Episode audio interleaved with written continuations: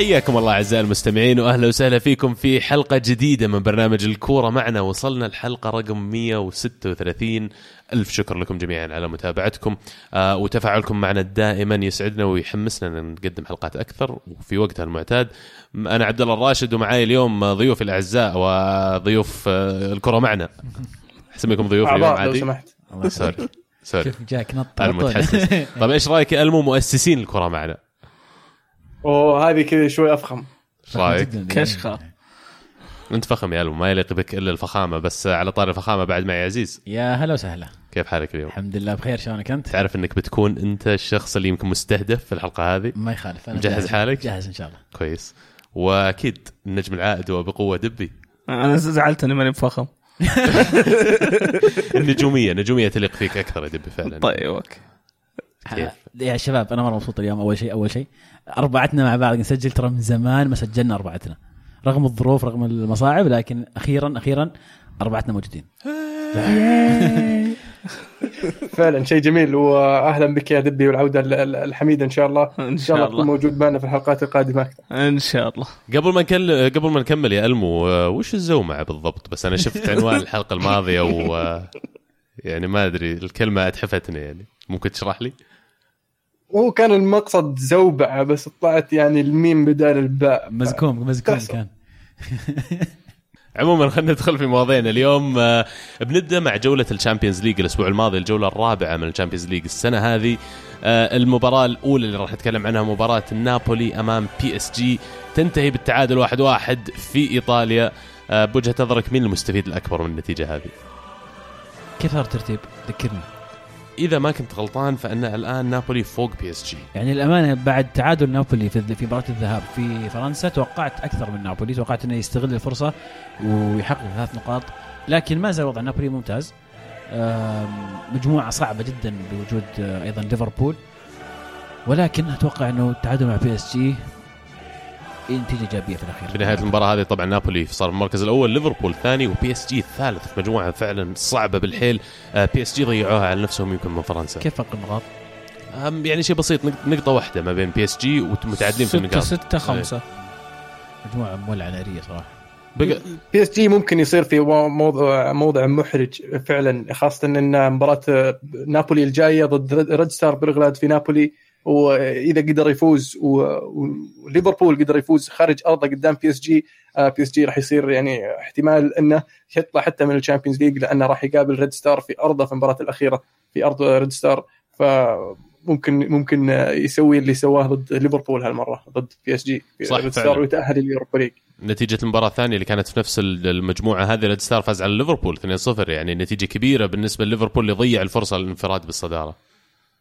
هذا هو ليفربول أحس الطريقة اللي أصعب من PSG ونابولي اللي هو بيلعب ضد PSG ونابولي المباراتين الجاية. فتوقع نابولي وبي إس جي يطلعوا يعني بأقل الخسائر تعادلين ورا بعض. صح. المباراة الثانية كمان اللي عندنا اللي هي إنتر يتعادل واحد واحد مع برشلونة في السان سيرو وكذا برشلونة يكون متصدر المجموعة إنتر ثانيا فرق ثلاث نقاط وبعدين ثلاث نقاط التوتنهام اللي كمان فازوا 2-1 على PSV ايندهوفن في نفس المجموعة. آه، نتيجة كبيرة الانتر اللي يعني تكاد تشعر إن المباراة لو استمرت كان إنتر حيفوز في النهاية. عودة الانتر كانت آه، إيجابية جدا في المباراة بعد تقدم برشلونة. أيضا نقطة رائعة صراحة الإنتر فعلا. يعني يحسب لهم إنه مهما كان الفريق متأخر ما زال الإنتر عنده الروح إنه يعود في النتيجة. قبل ما نتكلم عن مباراة الدوري. المو طيب بالنسبة لإيكاردي تحديدا يعني وش أهمية عودته بالشكل هذا ويعني نجومية الإنتر فترة ماضية في تأثيره على نتائجهم ويمكن حتى أنهم يتقدمون في دوري أبطال أوروبا؟ تشوفهم يوصلون مثلا ربع نهائي نص نهائي لو بتل زي كذا؟ إيكاردي من الموسم ما قبل الماضي هو في تحسن تدريجي والموسم الماضي لما أخذ الهداف وكان آه، له دور كبير في تأهل الإنتر إلى دوري الأبطال هذا الموسم. آه، ف آه، له دور كبير آه، اللاعب هذا في في مجهود الإنتر وخاصة إنه آه، فريق يصير عنده مهاجم آه، فذ آه، زي يسمونه fox in the box اللي يخلص الهجمة آه، ما يحتاج أكثر من من لمستين على أساس إنه يسجل هدف آه، داخل المنطقة. وبهذا التعادل ال- برشلونة قدر يصير أول فريق يتأهل الادوار الإقصائية وحط ال- الإنتر في موقف جميل بصراحة آه، ليضمنون آه، بطاقة التأهل الثانية وفوز توتنهام يعني باشفع شوي مهم خلاهم خلاهم لسه في آه، في السباق ومهمتهم صعبة بالنسبة للنادي الإنجليزي تشوف سبيرز عندهم القدرة أنهم يتأهلون دور 16 ولا في هذه النقطة الآن يعني يمكن إنتر أقرب؟ مباراة في الكامب نو بالنسبة لتوتنهام راح تصير صعبة إذا صقعوا في ملعبهم ثلاثة فلك أن تتخيل إيش بيصير في الكامب نو. صح معك حق. والمباراة الأخيرة اللي يمكن كل أحد ينتظر إننا نحكي عنها والشباب من الآن يتحكحكون في مقاعدهم آه، في اليوفي ستاديوم في إيطاليا خسر اليوفي 2-1 أمام مانشستر يونايتد. مانشستر يونايتد كذا يبقى في المركز الثاني ويتعدى فالنسيا. بعد خسارة مانشستر يونايتد في الأولد ترافورد يرجع يفوز في اليوفي ستاديوم. hard luck عزيز ومبروك ألمو. سمعوني صوتكم ما أسمعكم ترى. ماسك إذني يعني اللي ما يشوف الله يبارك فيك. مبروك المهند مبروك. الله يبارك فيك. أبغى بس أضيف أبغى أتكلم عن المباراة هذه كيف إن مورينيو بدأ المباراة متخوف زي العادة وسمح لليوفي إنه يتقدم آه، ويسبب خطورة اليوفي ولعيبة اليوفي لا يلمون إلا نفسهم لأنهم ضيعوا فرص كثيرة. كان بإمكانهم يخلصون المباراة من الشوط الأول حتى في الشوط الثاني. آه، والجري ياخذ شوي من اللوم آه، بحكم أنه قرر أنه يحافظ على التقدم وتراجع دفاعيا عطى عطى فرصة لليونايتد أنه يتقدم. آه، مروان فليني ما يضحك أن مروان فليني هو اللي سوى الفرق مع أنه ما سوى إلا تمريرتين صحيحات واحدة لبوجبا واحدة لماتيتش. وفي الهدف ما لمس الكورة أصلا. بس انه وجوده في وسط المنطقة خلى ثلاث مدافعين يلفون حوله وصارت دربكة في الجهة الثانية من المنطقة ودخل منها هدف. يعني فيلايني أثبت مورينيو وفيلايني قديش اللاعب مهم بالنسبة للمدرب آه، في هذه الحالات. لكن بتكلم عن عن فيلايني في مباراة السيتي لما نوصل لها إن شاء الله وبسالك و... سؤال معلش ألمو على حركة مورينيو نهاية المباراة لما يمكن بعد الكل يبغى يتكلم عن هذا الموضوع لما سوى حركة إنه ما يسمع الجمهور اليوفي هل تشعر إن مورينيو كان مبرر في هذه اللحظة رد فعله بالذات إنه يقال إن جماهير اليوفي وراه كانوا يسبونه ويعني خلينا نقول أنواع الشتايم والإساءات فهل مبررة حركته؟ ما ما تقدر تقول مبرر بس يعني مورينيو هذه حركاته من يعني من زمان حتى في يعني أشهر حركاته اللي سواها آه، كانت ضد برشلونة في 2010 وفي الأولد ترافورد ضد اليونايتد لما سجل بورتو هدف الفوز راح يركض عبر الملعب ويحتفل مع الجمهور. فحركاته يسويها كثير يعني مو مو بشيء جديد. وشفنا حركة الثلاثة سواها ضد تشيلسي سواها ضد آه، اليوفي. فأنا أستغرب من الناس اللي اللي تنرفزت من حركته. يعني مورينيو is just being مورينيو قاعد يصير مورينيو يعني ما ما سوى شيء جديد. بس أنا أستغرب من مورينيو إنه سواها في المباراة. يعني المباراة هذه فايز فيها. وليش تسوي الحركة هذه؟ يعني تعودنا من مورينيو يسويها لما يكون خسران عشان يبعد يعني الأنظار عن فريقه وأداء فريقه. بس خلي يعني الناس تتكلم عنه. اي جمهور اليوفي جاب الكلام لنفسه يعني قاعدون يحرشونه يعني ف لا لا مورينيو مورينيو دايم دايم برد يعني. عادي يا أخي في كل مك... في كل مكان بيحرشونك الناس يعني مو بلازم ترد عليهم كل مرة. ف... فهذه أحس إنه ما كان لها داعي أحس. يعني كبر راسك فهذه ما كان مرة. لا والله أنا بالنسبة لي الحركة عادي يعني typical مورينيو زي ما قال عمر أتفق معه في موضوع إنه كل مدربين العالم وكل لعيبة العالم لما يروحون الملاعب فيها جمهور آه، خلينا نقول متحمس ولا قاسي يتعرضون لكثير من الاهانات تخيل لو كل مدرب ولا كل لاعب قام يرد. تصير فوضى الوضع. لكن هذا مورينيو typical مورينيو. الحركة يعني اشتهرت وانتشرت يعني it went viral طبعا لأنها لأن مورينيو ومتعودنا من هذا الشيء من مورينيو. والناس تبغى تبغى الأشياء هذه الدراما والحركات اللي تصير برا الملعب. طبعا سؤالي هو العادة يسوي الحركات إذا كان فريقه مهزوم عشان يخطف الأنظار من هزيمة الفريق إلى إلى نفسه، بس الحين فريقه فايز طيب. لأن أتوقع انضغط في الذهاب كان خسران وبدأوا الجمهور يعني يهاجمونه وهو خسران رد رفع لهم ثلاث أصابع يعني قصد إنه أنا فزت بالثلاثية مع الإنتر آه وكان خسران فالآن سبحان الله كل شيء ثلاثة عنده اي فلم فلما فاز الآن في في إيطاليا وطول طول المباراة الجمهور كان يسبه يعني ويتهجم عليه. أكيد إنه فرغ. ما صدق إنه يفوز. يعني كان خسران إلى 85 وكان مضغوط طول المباراة وكان المفروض إن اليوفي زي ما قال المهند اتفق معه تماما. مخلص المباراة الشوط الأول بكمية الفرص. جت كورتين ثابتة استغلها اليونايتد وقلب النتيجة في ملعب اليوفي. فريق ما استقبل ولا هدف هذا الموسم في ال Champions League. طبيعي انه بيكون هذه رد فعله. ان في ناس يفرحون بطريقة أخرى مورينيو هذا طريقة اللي قرر إنه يفرح فيها. آه، المهم ذكر نقطتين أنا أتفق معه تماما. آه، اليوفي هو اللي خسر المباراة هذه. آه، خاصه يعني يوفي هزم نفسه في المباراة هذه. كمية الفرص اللي ضاعت ما تتعوض. دي خيا كان جبار في المباراة لما هذه. توصل للأدوار النهائية في ال Champions League الفرص هذه تفرق معك. مفروض، هي اللي. بتطلعك بال Champions إذا تبغى تفوز بال Champions League لازم تستغل أقل الفرص اللي تجيك. وهذه مشكلة اليوفي الأزلية. آم، النقطة الثانية أليجري بالتبديل بدخول بارزالي آه، وخروج دي شيليو اللي كان للأمانة دي شيليو كان قدم مباراة رائعة. آه، إشارة واضحة لمورينيو وفريق مورينيو إن أنا راح أدافع ويلا أنا مستعد إني أتحمل الضغط اللي بيجيك اللي بيجيني منك. وهذا خطأ تماما في رأيي إنك أعطيت المجال أصلا للفريق اللي ما كان ماسك الكورة إنه يهاجمك ويضغطك المفروض تستمر على ما أنت عليه عندك ماجيك في الدكه المفروض ينزل كمل الضغط. يا انك تنهي المباراة بهدف ثاني ولا تستمر ضاغط وما تخلي فريق ثاني يضغطك.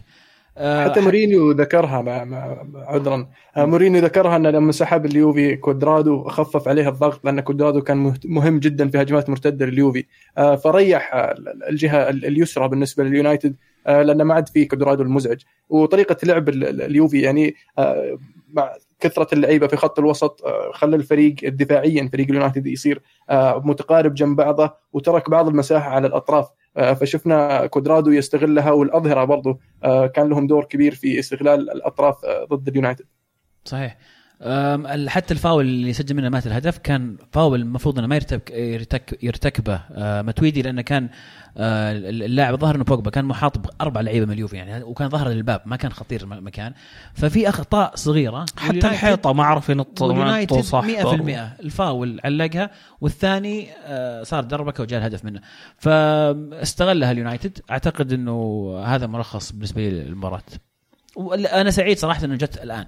يعني ماني بسعيد بالخسارة طبعا ولكن آه، أليجري المدربين اللي تعلم من اغلاطه فعلا أليجري أخطأ في هذه المباراة اللعيبة آه، قصروا في هذه المباراة. في أكثر من لاعب يعني علامه استفهام بيانيتش خضيرة كوادرادو كان عندهم فرص محققة أمام المرمى حتى ما حطوا on target يعني. هذا اللي هذا اللي غابني يعني. آم، ففرصة مهمة للعيبة يستفيدون. ما زالوا في الصدارة ما زال ممكن يتأهل كمركز أول. نتعلم من الأخطاء الآن أحسن ما نتعلم في أو نطلع في الأدوار الإقصائية. الدور على اليوفي الحين يفوز على فالنسيا مباراة قادمة و... أبشر مالك بس سكت مورينيو تكفى أزعجنا ترى. ما راح يسكت مورينيو أنت عارف. أشبعنا مباراة بس ترى في ال- الهاشتاج مليان سواليف عن المباراة. طيب إيش رأيك تعطينا بعض هالسواليف؟ سؤال comment أي شيء من اللي يطلع معك؟ طيب عندنا بي إكس آر يقول أليجري ما يتعلم من أخطائه ويبالغ في الدفاع ويعطي الخصم الجرأة إنه يهاجم ويضغط ب 11 لاعب. شفناها الموسم اللي راح ضد توتنهام وريال مدريد وكثير من مباريات هذا الموسم. ودي أتفائل وأقول إن اليوفي أقرب لل Champions بس مع هذا المدرب ما أتوقع تشيزني أقل من اليوفي. هل يلام تشيزني على على أي هدف في المباراة؟ لا الهدف يعني الهدف الأول آه، فاول والحيطة ما نطوا صح أنا بالنسبة لي. الهد- الهدف الثاني الدربكة اللي صارت بين المدافعين. خبيصة. أنا غصبا عنك أدري ما تقدر تسوي فيها. شيء. الآن ما أدري مين اللي سجل هدف. وهذا شيء حكينا فيه عزيز كذا مرة من قبل لو. تتذكر إنه ما تصوروا بتفوزون بال Champions ومعكم تشيزني. يعني ولو كانت يمكن مو بأخطاء الأهداف اللي دخلت لكن ما هو بمستوى الحراس زي دخيا زي بوفون زي غيره هذا وجهة نظري يعني. أما بخصوص اليجري اليجري أنا يعني كثير قاعد يهجمون يتهجمون على اليجري وأتفهم الرجل أخطأ في هذه المباراة ما ما أختلف ولكن ميزة الرجل إنه يتعلم من أخطائه. ما في في الساحة الآن مدربين كثير أفضل منه في أفضل منه لكن مو كثير ولا هم متوفرين أصلا. فأتوقع من الخطأ كي- تحميل أي خط أي خسارة أو أي سقوط لليوفي على اليجري okay يخطئ. ممكن هذا يكون آخر موسم له إذا كان في مدرب ثاني متوفر ولكن حاليا طبعا أبغى اليجري يقعد و... وأثق فيه على قدرته إنه يستفيد من أخطائه ويصححها وأتوقع إنه يستطيع إنه يفوز بال Champions League السنة هذه. بس برجع لسالفة تشيزني تشيزني لسه صغير يعتبر بالنسبة للحارس. وأتوقع إنه مع ال... يعني المباريات راح يكون أساسي راح يبدع زيادة. وترى اللي فايزين بال Champions آخر ثلاث مب... Champions كان معاهم كيلر نافاس. ما هو بأحسن حارس بس كويس. أتفق معك. ونفس الشيء أنا أشوفه في تشيزني صح. حاتم يقول السلام عليكم متابعكم من نهاية الموسم الماضي وإن شاء الله متابعكم للأبد. شكرا يا حاتم. رأيي الشخصي آه، بردة فعل مورينيو إنها طبيعية جدا وعجبتني الصراحة وهذا ترك الناس تتكلم بردة فعله ونسوا المباراة ولا تحرمونا من رأيكم. يمكن أنا أشوف بعد أن مورينيو كان حاس أن نجاحه ضد يوفي أو الفوز ما هو بشيء راح يدوم وما يمثل مستوى الفريق فحب أنه فعلا يسوي زومعة على قولة ألمو على الموضوع. والحركة يعني تلفت الأنظار لأنه كمان زي ما قال المو بعد شوي بتجي مباراته مع مانشستر سيتي ويمكن هي اللي تخفف الضغط على الفريق الحركة هذه. يقول كرة القدم سعيدة بانتصار مورينيو الليلة. من يحب كرة القدم عليه أن يحترم هذا الرجل هذا التاريخ هذه المسيرة الكبيرة هذا التحمل رغم كل الضغوط. كرة القدم ستقول أن مورينيو مع فريقه هو من أسقط كتيبة رعب يوفنتوس التي صداها وصل العالم أجمع. عشان مو قاعدين نلعب معليش مع كل احترامي مع كل احترامي. هل نستطيع أن نقول مورينيو آه، كان تكتيكيا تفوق على أليجري في المباراة؟ يعني خلينا نكون واقعيين وأبغى أسمع رأي المهند صراحة لأن في رايي في رايي اليوفي هزم نفسه. المباراة 85 دقيقة كانت لليوفي ومورينيو ما زال سبك فعلا تكتيكيا لم يتفوق مورينيو. مورينيو كان محظوظ وتخوفه اللي اللي, اللي شفناه آه، في أكثر من مباراة أدى إلى خسارة اليونايتد آه، في كثير من المباريات وخسارة النقاط في بعض المباريات وأدى إلى استقبال الاهداف في الكثير من المباريات قبل ما أن اليونايتد يقدر يرجع عن المباراة. وهذا أحد الأسباب. يعني لو تشوف المباراة فعلا تكتيكيا تشوف انتشار اليوفي كيف اليوفي قدر يخترق دفاع اليونايتد دفاع اليونايتد يعني ما هو آه، أفضل دفاع. لا هو بطريقة صفة الفريق ولا هو بالعناصر الفريق. فاليوفي قدر يوصل أكثر من مرة. وطريقة أليجري كشفت دفاع اليونايتد لكن المشكلة اللعيبة ما قدروا يخلصون المباراة وهذا سوء طالع أو سوء حظ بالنسبة لليوفي. آه، تماسك اليونايتد إلى آخر الدقائق اعطى الفرصة لليونايتد إنه يقدر يرجع والهدف هدف ماتا اعطى الثقة للفريق إنه ما زال في فرصة وقدر اليونايتد يرجع. فيعني تغييرات مورينيو سوت الفرق فعلا آه، وتغييرات أليجري أدت إلى ذلك. آه، ف من ناحية التغييرات آه، أليجري خسر لكن بشكل عام آه، اليوفي كان أفضل تكتيكيا أفضل انضباطا آه، يعني كان كان المفروض انه تكون نتيجة أكبر من 2-1 بالنسبة لليوفي. عموما طولنا سوالف كثير في الكلام مبروك لك يا ألمو فعلا تستاهلون و hard luck عزيز العوض في اللي جاي إن شاء الله. إن شاء الله. لقاح البطولة هذه. والله ودي أقول عسى بس ما ما ما ودك يكون البطولة كلها إيه. آه على طاري اللي جايين وفايزين وغير متوقع منهم ريال مدريد بقيادة سانتي سولاري. أربعة انتصارات في أربعة مباريات متتالية من أول ما مسك تدريبهم. وفي أخبار أنه راح يكون المدرب الرسمي القادم لريال مدريد بيأكدون تعيينه يقال خلال هذا الأسبوع. يبدو لنا الفترة اللي كان دربها مدريد خلال خلينا نقول الشهر الماضي ولا الثلاث أسابيع الماضية. كانت هي ال ال زي ما تقول البروفا ولا يجربون شو وضعه. وفعلا اثبتها بالنتائج إنه قاعد يفوز. فاز 4 2 على سيلتا فيجو خارج أرضه في سيلتا. كمان فاز في ال Champions League 5 0 على بيلزن خارج أرض ريال مدريد. مباريات قد لا تكون الأصعب ويمكن بالنسبة لمدريد كانوا محظوظين في أجزاء كثيرة من المباراة. يعني هذه ثالث مباراة على التوالي والنتيجة 0 0 الفريق اللي يلعب ضد مدريد يضرب عارضتهم. فأكيد إنه ما يقدر يعتمد على هذا الشيء سولاري الحظ الجيد خلينا نقول. بس في نفس الوقت يقدر يقول إنه فقدوا لاعبين دفاعيين كثير خلال فتره ماضيه آه، إصابات في نفس المباراة قاعد تجي يعني شيء غريب.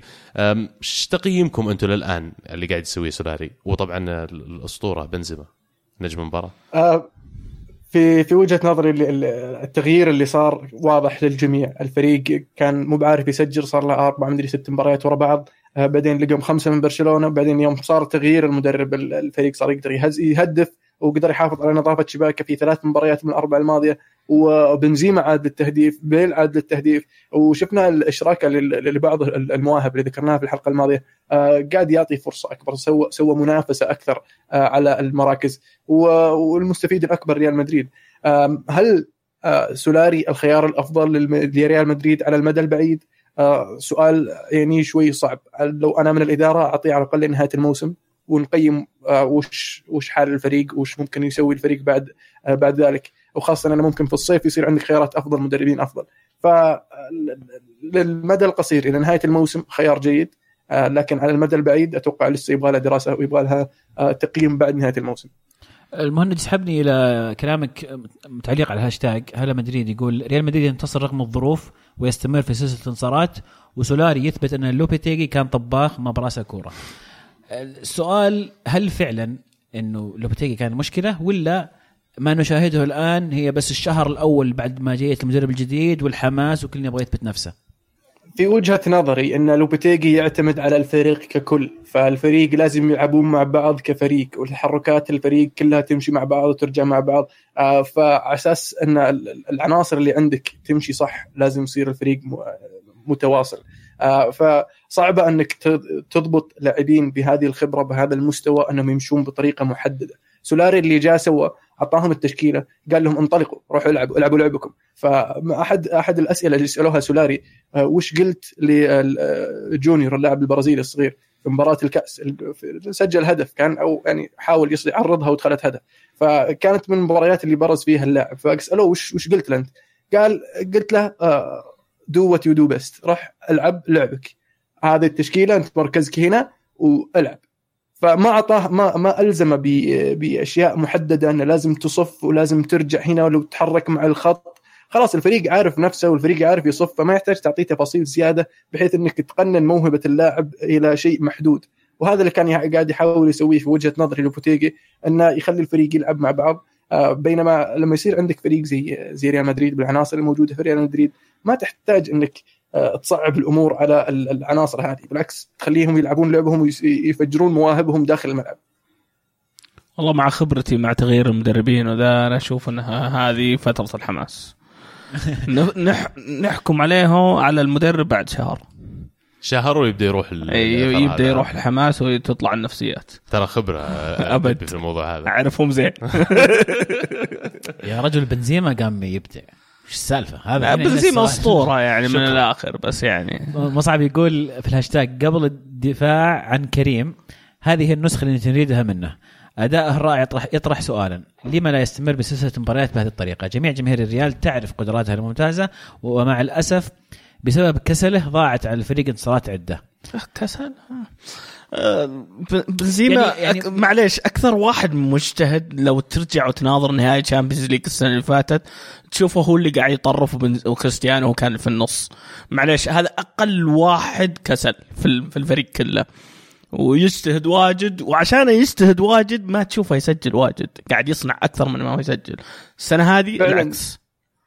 فعلا كان كان بنزيما تشوفه في كل مكان في وسط الملعب على الطرف في العمق يستلم الكرات الطويلة في في نص ملعب ال- ال- الليفر في مباراة ال Champions League الماضية وتلقاه يفتح مساحات ويحاول يبعد وسجل هدف يعني.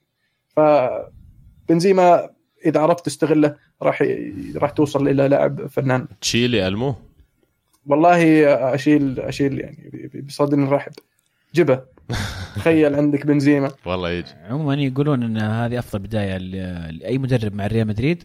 أربع مباريات أربع فوز فارق 13 هدف. أنا عندي مشكلة واحدة بس راموس وبنتياتا صراحة. يا أخي هذا موضوع لازم نحكي عنه برامج بلنتيات بالعكس قاعد يثبت إنه إيه لا لا لا أنا مشكلتي مع انه كل مرة يحطها في النص. بطريقة نفس الطريقة. والحراس الحين قاعدين ينطوني ميزه لازم واحد يوقف. لازم واحد يوقف مكان. يتحمل يتحمل يت... حتى لو ما لو حطها في الزاوية يوقف واحد منهم عشان يعقل راموس وخلاص. ب- بيجي حارس زلابة ما يعرف البلنتيات وبتسلك معه. صدقني.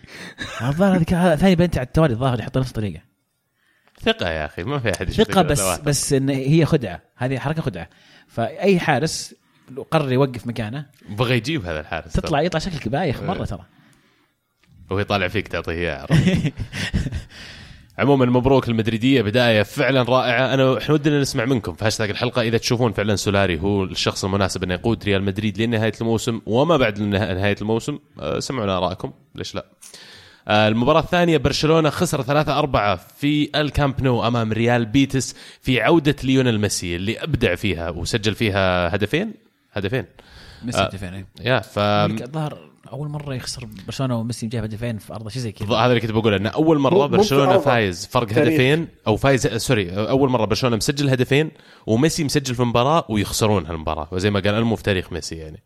إي أول مرة برشلونة يخسر وميسي مسجل هدفين في المباراة. حتى مو مسجل ميسي مسجل هدفين برشلونة مسجل هدفين وميسي مسجل واحد منهم ترى. كذا حسبتها كانت إذا ما كنت غلطان. عموما يعني برشلونة اللي كانت نتائجهم رائعة من بداية الموسم متصدرين الدوري بأريحية جو فازوا في الكلاسيكو 5-0 أم، يعني نتائج رائعة جدا. خمسة واحد. خمسة واحد. عذرا معليش الواحد فرق كثير صح. آه تعادلوا مع انتر بعدها وخسروا الآن أمام ريال بيتس إيش قاعد يصير برشلونة؟ كانت يعني آه، سلسلة مباريات جميلة. كان برشلونة مقدم مستويات رائعة كان الفريق في آخر أربع مرات تقريبا ممتاز وبدون ميسي. وأنا شخصيا كنت أنتظر عودة ميسي وأشوف كيف يتأقلم الفريق أو كيف إيش بيصير يعني. بس ما أقدر أقول إن عودة ميسي هي سبب الخسارة. الفريق كله كان سيء. الوسط كان ضايع. بيتيس قدم مباراة رائعة جدا بكل المقاييس. كانوا الفريق الأفضل. للأمانة ما أدري إيش صار. تحس الفريق كذا فيه كسل. كذا تحس إنه رجولهم ثقيلة لسبب ما. ما أعتقد إنه عودة ميسي. اختلت بالتوازن كل هذا. فغريب صراحة اللي صار. وبالذات إنه في الكامب نو. عجبوني ريال. مدرب. go ahead أول مدرب يفوز في ال- في البرنابيو و- والكامب نو في نفس الموسم. عجبوني ريال بيتيس. والسنسيرو بعد ترى. عجبوني ريال. زدها عليهم يلا. آه، ريال بيتيس عجبوني كيف كانوا direct وناويين المرمى. ما أوكي دفاعهم ما كان تكسود بس كانوا عارفين وش ناويين يسوون.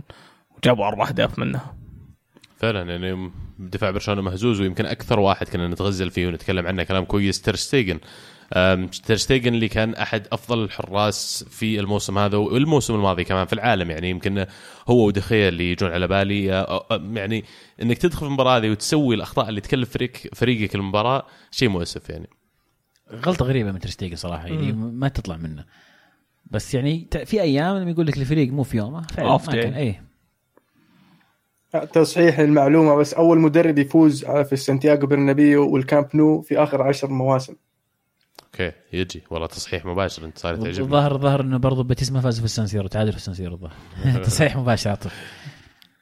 أتلتي كمان فازوا 3-2 على أتلتيك بلباو. مباراة عزيز يقولون حماسية. لحظة بس للتأكيد إلا فازوا في السانسيرو 2-1 سم أيوه. أقول أتلتي فازوا 3-2 على بلباو مباراة زاحفة صراحة. آه، تقدم الأتلتيك آه، من إناكي ويليامز. عادل أتلتيكو مدريد رجع تقدم أتلتيكو مرة ثانية برضو من إناكي ويليامز. تعادل أتلتيكو مدريد. جابوا هدف ثالث في آخر الدقائق حتى حسب الحكم تسلل. رجع للفار حسب الهدف الثالث وحقق أتلتيكو مدريد الفوز. بعد يعني فوزهم أيضا في ال Champions League على دورتموند. يعني كان الأسبوع الماضي كان أسبوع أو قبل أسبوعين كان أسابيع سيئة لأتلتيكو. الآن فوزين مهمين بالنسبة لأتلتيكو. ما زال ال- الصراع في مقدمة الترتيب في الدوري الأسباني آه، قريب وفي فرصة لكل الفرق. أتوقع مدريد مو بعيد حتى عن عن الصدارة. يمكن أربع نقاط يمكن ولا شيء في, في أسبانيا. فمشعل الدوري مع وجود اشبيليا وفالنسيا. وكان مهم مرة فوزهم في ال Champions League لأن رد اعتبار أكثر من أي شيء ثاني. يعني كان من حسن حظهم أنه بعد مباراة الذهاب اللي كانت في ألمانيا أمام دورتموند انصقعوا فيها أربعة. رجعوا الآن ردوا لهم ال- ال- الدين وفازوا 2-0 في أسبانيا. آم، كأنها موضوع الثقة اللي كان يصير مع أتلتيكو مدريد. اللاعبين نفسهم كعناصر ممكن يلعبون في أي فريق في العالم لكن تشوفهم خلال هذا الموسم نتائجهم غير مقنعة آم، ويعني كانوا محتاجين لرد الاعتبار هذا محتاجين أنهم يجيبون سلسلة نتائج إيجابية عشان الفريق يرجع من جديد. جريزمان هو اللي يمكن أبرز ال- ال- اللي بسميه الغائبين هذا الموسم لأنه بعد موسم رائع الموسم الماضي وكأس عالم كمان رائع قاد فيه منتخب فرنسا لكأس العالم. الموسم هذا كأنه الأثر حقه على أتلتي هو اللي ينقص أتلتي عشان يحقق النتائج. ما أدري أشعر إنه مو يعني موجود. قاعد يسجل أهداف آه، حتى آخر مبارتين له يعني بصمة واضحة في المباريات لكن أعتقد إنه الفريق بشكل عام آه، نازل مستواه ويمكن هذا السبب إنه ما تشعر إنه يعني جريزمان مقدم المستوى اللي تعودنا منه. يعني أتوقع منه يكون من لستة الهدافين في الدوري الإسباني لكنه مو حتى في ال- الأول خمسة أو أول ستة. فيمكن هذا الموضوع لأن جريزمان أطلب منه المزيد والمزيد. آه، عموما أتلتي راجعين يمشون على الطريق الصحيح. بس ابى نقطة آه، جريزمان أنا أتفق معك إن جريزمان مو آه، بنفس المستوى الموسم الماضي. آه، وغير ذلك دييغو كوستا. دييغو كوستا يعني مستواه هذا الموسم متذبذب والاصابه غاب لفترة طويلة وعودته ما زال يحتاج وقت أكبر على أساس إنه يصير له التأثير. فخط الهجوم بالنسبة للأتلتي ما زال غائب واللي قاعد ينقذهم خط الدفاع شفنا جودين وخيمينيز وهرنانديز يسجلون للفريق. لكن الفوز مهم بالنسبة لنادي أتلتي وتعثر برشلونة يفتح آه، آه، صراع المنافسة على اللقب بشكل جميل. وأتلتي ما زال في المنافسة وما زال ترشح أتلتي للفوز بالدوري. توقع كبير يا ألمو. إيش رأيك نروح الدوري الإنجليزي ما دام انتهى الكلام عندك؟ سكوت علامة الرضا. ليفربول فازوا 2-0 على فولهام. آه، صلاح يعود للتسجيل. نتيجة مهمة بالنسبة لليفربول عشان يكملون في الضغط على المراكز الثلاثة الأولى. كمان سبيرز فازوا خارج خارج أرضهم على كريستال بالاس 1-0 آه، كين بدل ما يسجل سوى assist لفيث. اللي تعثروا اثنين اللي هم تشيلسي تعادل أمام إيفرتون في لندن وأرسنال كمان تعادل أمام وولفز في لندن كذلك. آه، تشيلسي تعادلوا 0 0 وأرسنال 1 1 آه، نتيجة مخيبة للامال للفريقين. المفروض إن هذه مباريات على أرضك تقدر تفوز فيها تواصل فيها الضغط. آه، بداية رائعة لساري إلى الآن ما خسر في ال Premier League. دبي يعني إلى الآن وش انطباعك أو وش آه، هل توقعت قبل الموسم إن بتو- في أفضل حالات تعيين ساري راح توصل للسيناريو هذا؟ والله لا بالعكس أنا يعني حتى بداية الموسم كنت قاعد أفكر إنه ساري ممكن يقال ذا السنة. آه، مع الفكر الهجومي وذا توقعت إنه يعني قاعد déjà vu بيقفل سكولاري.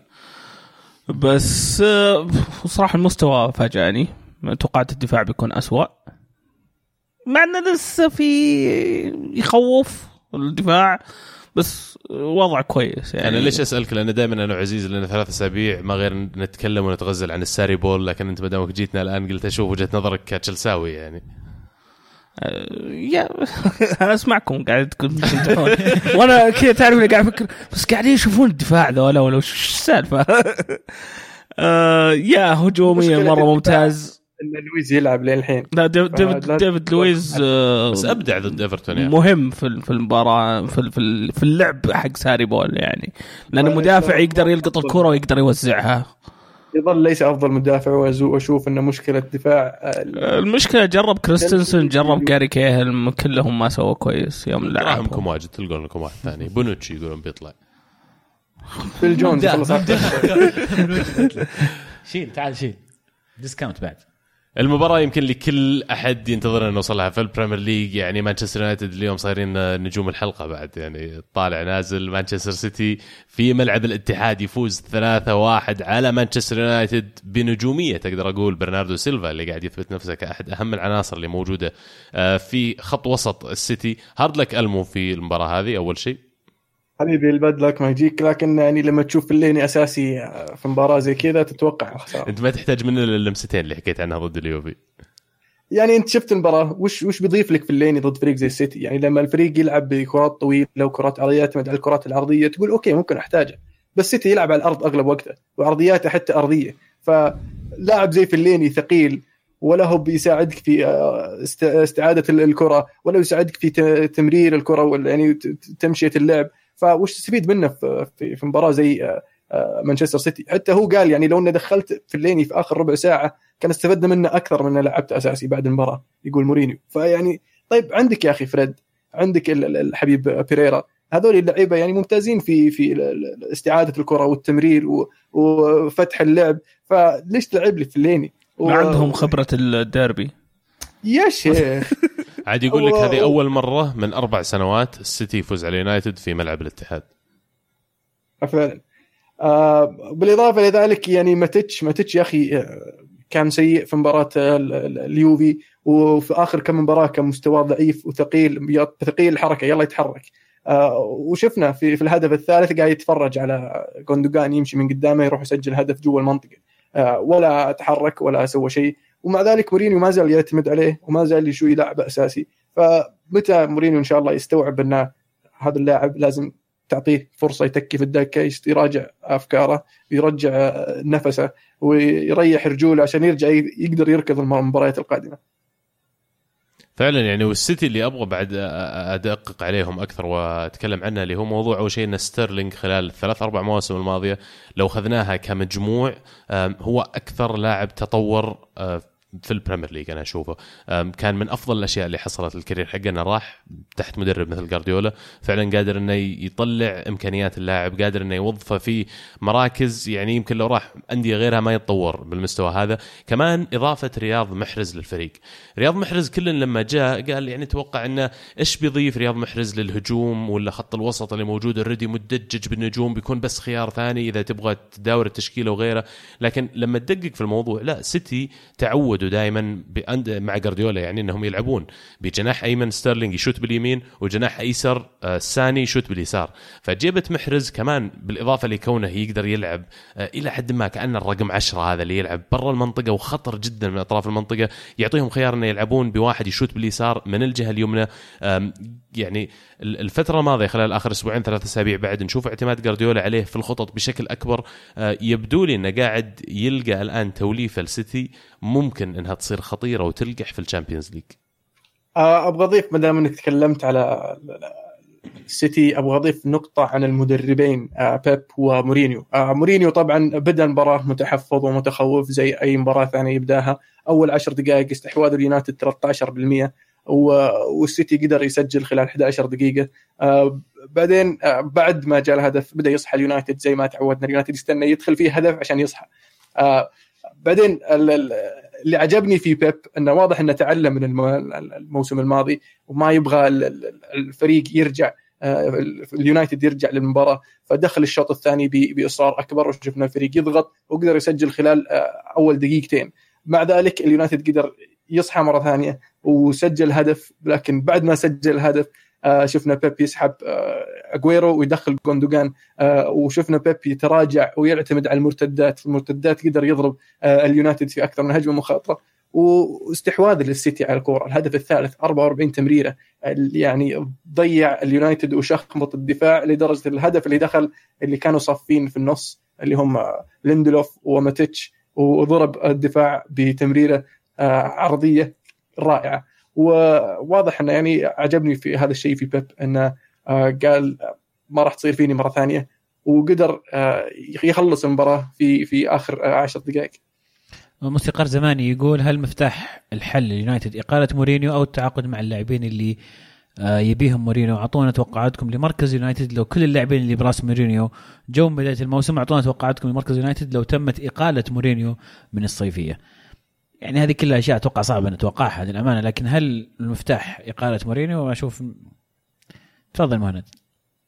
يعني مورينيو تكلمنا عن سالفته كثير مورينيو لن يقال إلا يعني رقميا لما يصير. إيه. ف فأتفق معك انه لو اليونايتد أعطوه اللعيبة اللي هو يبغاهم كان شفنا اليونايتد ينافس على الدوري. ومورينيو يعني من حركاته يعني آه، كانت واضحة في مباراة ريال مدريد. آه، يوم كان مع ريال مدريد آه، كان يطالب بلاعبين آه، جدد وصار سوى فيلم وخسر من برشلونة خمسة على أساس يروح للإدارة ويشوفوا عشانكم ما أعطيتوني اللي أبغى. آه، وجابوا حارس في في جانوري اعطوه اللي يبي وبدأ يتحسن الفريق وفاز بالدوري الموسم اللي بعده. فمورينيو يعني المفروض الإدارة تعرف اي أي إدارة تعرف عشان انت تجيب مورينيو عشان يفوز يفوزك الآن. ما تبغاه يبني لك فريق للمستقبل. ف إذا جبته عطه اللي يبي يعطيك اللي تبي هذا مورينيو. أما إنك تقعد تقول له لا هذا اللاعب ما يناسبنا ما يناسب إدارتنا ما يناسب مدري وش وأنت ما تدير في الكورة فأنت قاعد تحط نفسك في معضلة ليش تجيب؟ تجي... إيه فيا إنك تجيب لك sporting director واحد يفهم في الكورة ويعرف أنت توجهك وش تبغى تصير وش تبغى تسوي فيصير هو يجيب لك المدرب المناسب لهذا الفريق ويجيب لك العناصر المناسبين لهذا الفريق لطموحات الإدارة والجمهور أو إنك يعني ما دام إنك جبت المدرب ذا افهم, أفهم من كلامك ألمو يعني إن انت ترى إن مورينيو ما يناسب المفروض استراتيجية اليونايتد ويمكن تعيينه كان هذا خلل من الإدارة. هذا كلام قلته أول ما تعين مورينيو. آه، قلته أول ما تعين مورينيو وما زلت هذا محافظ على المناسب نظرك هذه؟ إيه إيه فأنت الحين جبت مورينيو وبحلت فيه وجددت له سنة January اللي راح فأنت اللي حطيت نفسك في هذا الموقف. صح. يا إنك تعطيه اللي تبي اللي هو يبي عفوا عشان يعطيك اللي أنت تبي. ولا يا أخي مشى وريح ليش بالك قاعد تجدد معاه وتفلم اي اي فليش ليش تحطني أنا كمتابع كمشجع للنادي في في في, في الزومعة هذه اللي أنت مسويها؟ بنخاطب المعجب إن شاء الله بنحطها ككلمة رسمية. ألمو الفضل لك طبعا في الكلام هذا. تستاهل. صراحة أنا شوف تستاهل. اي بس ودي يعني آه، رسالة لبعض الشباب يشاركونا على الهاشتاج. نتقبل الآراء والأفكار والأسئلة بس يعني يا ليت بعض الناس هو قل هم أقلية إذا جيت تنتقد فريق أو شخص ثاني يكون بأسلوب يعني معقول ما يكون في تقليل أو إساءة إلى إلى الفريق أو أو الشخص اللي قال الرأي أو هذه الأشياء لأن في الأخير يعني ترى إحنا قاعدين آه، نسولف عن الكورة ويعني نحاول نسوي نقاش ثري يفيد الجميع ونستمتع بدون ما يكون في إسقاطات على بعض ال- ال- الأندية. المو كيفك في الدفاع؟ وش نوع الدفاع اللي نتكلم يعني تستعد؟ لنا جاينا هجوم أنا وياك. هيا. يلا أول شيء ناخذ مشاركة من شبيح مورينيو يقول السلام عليكم متابع بصمت يا راجل علينا مو بغريب الاسم. طيب. صارت موضه متابع بصمت يقول حبيت اسلم عليكم وأقول لعبد العزيز ترى شكلك بايخ وأنت تنتقد مورينيو لأنك يوفاوي على الأقل انتقده بأسلوب مو بتحمله مصايب كل هالنادي وحبيت أقول للرخوم اللي يطالبون بإقالة مورينيو لا تخافون الإقالة جاية وأمثال مويس وفان خال جايين برضو وشكرا. والله أنا ما بيني وبين مورينيو أي شيء شخصي ولا أنتقد لأني يوفاوي لأن بالنسبة لي مورينيو قلت لكم يعني ما ما أثر علي كيوفاوي لأن كان مباراة اليوفي والإنتر دائما كان اليوفي يفوز على مورينيو. فما يعني ابدا عادي. أنا انتقده لأني أشوف اللي قاعد يسويه مع اليونايتد خطأ. اسلوبه اللي يتخذه في إدارة الفريق في رأيي خطأ. وسبق ووضحت إن هذه المشاكل، المشاكل ما تقف عند مورينيو، هو أحد المشاكل وهو يقود هذا الفريق. فطبيعي إنه يكون الانتقاد في البداية موجه لمورينيو. أما موضوع إن تحمل المصايب هذا أترك الموضوع للمهند يعني. ولا في ترى في سؤال ثاني تبي يعني. والله شوف ال- ال- المسؤولية مو كلها على مورينيو. لأن تكلمت قبل أن مشكلة اليونايتد أكبر من أنها مورينيو فقط المشكلة في طبيعي. الإدارة اللي حط- اللي حط مورينيو،. تدري. إيه واللي حط مورينيو واعطاه الثقة ثم انسحب منه الثقة ثم بدأ يتردد وبغى يرجع له الثقة الحين فهو قاعد يسوي الفيلم ذا ف ومورينيو طريقه طريقة لعبه وطريقة آه، آه، توجهه لبعض المباريات يلام عليها في التشكيلة اللي اختارها مثلا ضد السيتي آه، والتشكيلة اللي اختارها ضد اليوفي يعني ال- أحيانا هو يحط نفسه في مواقف محرجة والتشكيلة اللي اختارها ضد ويست هام والتشكيلة اللي اختارها فاقدر اعد لك مباريات ما تقدر تلوم إلا مورينيو. ف ثم مورينيو يطلع يقول لك لا مو مشكلتي أنا مشكلة اللاعبين المدافعين اللاعبين اللي ما لعبوا زين أو مشكلة الإدارة اللي ما جابت لي اللي ابي فطيب يا أخي عندك عناصر. لو يمسكها أي مدرب واعي مدرب فاهم ينافس على الدوري بهذه العناصر. ما أقول يفوز بس ينافس على الأقل. فيعني إذا أنت يا مورينيو تثق وتعلم أنك أنت أفضل مدربين في العالم وأفضل مدربين في التاريخ وفايز ثلاثة championships طيب يا أخي ورني إيش تقدر تسوي؟ لا تقعد تحط ال- ال- الدافع وأنت تعرف إن دفاعك يعني خشاش. طيب عندك عناصر هجومية جيدة ممتازة وسريعة يا أخي استغلها طيب. بدل ما تخلي الفريق يجي يهجم عليك ثم تحاول أنت ترجع حاول إنك تضغط الفريق لا تعطيه فرصة يهاجمك. على أساس إن دفاعك مخيس يا أخي أفضل مع- وسيلة للدفاع الهجوم. وهجوم اليونايتد يعني عناصريا ممتازين. فورني إيش عندك؟ ورني شلون تقدر تستغل هذول اللعيبة في إنك تفوز من المباراه ما تستنى إنك تخسر عشان ترجع تقلب الطاولة. خذ لك هجمة أخيرة من شبيحة جوارديولا يقول فوز بالطريقة الممتعة بقيادة فخر العرب الأول محرز على نادي موجود في نفس المدينة. نصيحة للمهند يا ريت ناديك يفعل ما تفعله إدارة البايرن وتعيدون أليكس فيرجسون لكي يعيدكم إلى مكانكم المعتاد بين قوسين المركز الخامس والدوري الأوروبي. بعدين كاتب رد على تهكمات ألمو الأسبوع الماضي. كانت قلت سألتك الماضي؟ دفاعك زين ولا لا؟ فتفضل يعني. عندك- إذا عندك في اللين بتنزل يدافع آه يعني آه محرز ما ما سوى الشيء الكثير في هذه المباراة. يعني كان دوره جيد كمجهود جماعي مع الفريق. آه لكن ما أقدر أقول إن الفوز بقيادة محرز. نقدر نقول الفوز كان بقيادة برناردو لأن برناردو كان مسوي معظم المشاكل في المباراة. و وش كانت النقطة الثانية من التعليق؟ آه، عودة السير أليكس يضبطكم يرجعكم للمركز الخامس الدوري الأوروبي آه، والله لو سير أليكس يرجع يعني يعني أردى للبيب وجمهور السيتي وليفربول لأن يعني حاليا عندهم فرصة إنهم يحاولون يجمعون آه، دوريات على ما يرجع اليونايتد. رجع طيب. السير- أرسنال كذا كذا كذا ما يعني دخل. أرسنال في الطريق الصحيح. أرسنال في الطريق الصحيح إنه يعود يعني فشيء كويس. والله بيني وبينك ف- يا المو من آخر 15 أو 20 سنة يمكن أول مرة أشعر أن توجه النادي أرسنال حاليا يمكن أفضل شوي من توجه مانشستر يونايتد.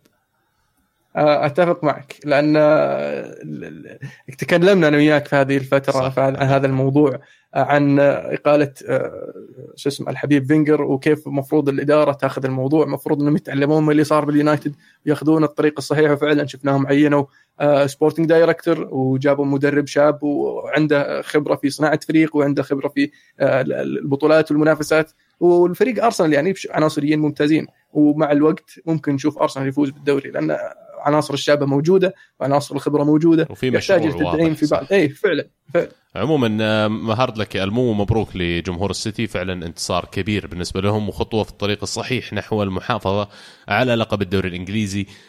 على طاري الدوري الإنجليزي آه، شو وضعكم الأسبوع هذا في ال Champions يا شباب؟ أنا والله ال- بدي أغير الموضوع بسرعة وأقول الحين في ثلاث فرق. متصدرين ولا؟ في في ال- يعني ثلاث فرق ما خسرت عفوا في الدوري الإنجليزي. ما خسرت تشيلسي. ما خسر سيتي. ما خسر وليفربول. وليفربول ما خسر صح ولكن ما زال واضح إنه السيتي أفضل من كلهم صح فرق كبير حتى على طريقها كيف مسوين في ال fantasy اقصد يا شباب طيب ننتقل لل والله الجولتين الماضيه صراحة ما كانت جولتين من أفضل الجولات بالنسبة لي لكن في تقدم في تقدم قاعدين نقترب من المئة. والله أنا- نبي top 100 بس أول نقول top 10 وعد مدري. وعد نهاية الموسم أنا أنا, أنا. سويت ال- الفريق متأخر وبس سويته حتى ما سويت تغييرات ولا سويت شيء. السنة الجاية إن شاء الله. السنة الجاية. آه، طبعا الحين اللي متصدر دوري الكوره معنا للمحترفين اللي بنسميه في ال Fantasy. Thank you Sir Alex اللي هو حمادة في المركز الأول 816 نقطة فرق كبير. والله عن صاحب المركز الثاني اللي هو عبد الرحمن مفرح. آه، بلوز ب 788 نقطة. يكملهم في المركز الثالث مكرر اثنين. آه، Dirty Sport فريق أحمد مدافر. وحذوفي آه، حذوفي TG كلهم عندهم 771 نقطة. شدوا حيلكم يا جماعة في جوائز بنهاية هذا الموسم. آه وإذا عندكم نصائح بعد على ال Fantasy أنا ودي أعطيكم بس أنا وضعي زي اللي منب قايله فأنتوا أعطونا نصائح. الله يرحم والديكم والله نبي نلحقكم يا أخي. أنا الظاهر مركزي أكثر من نقاطي.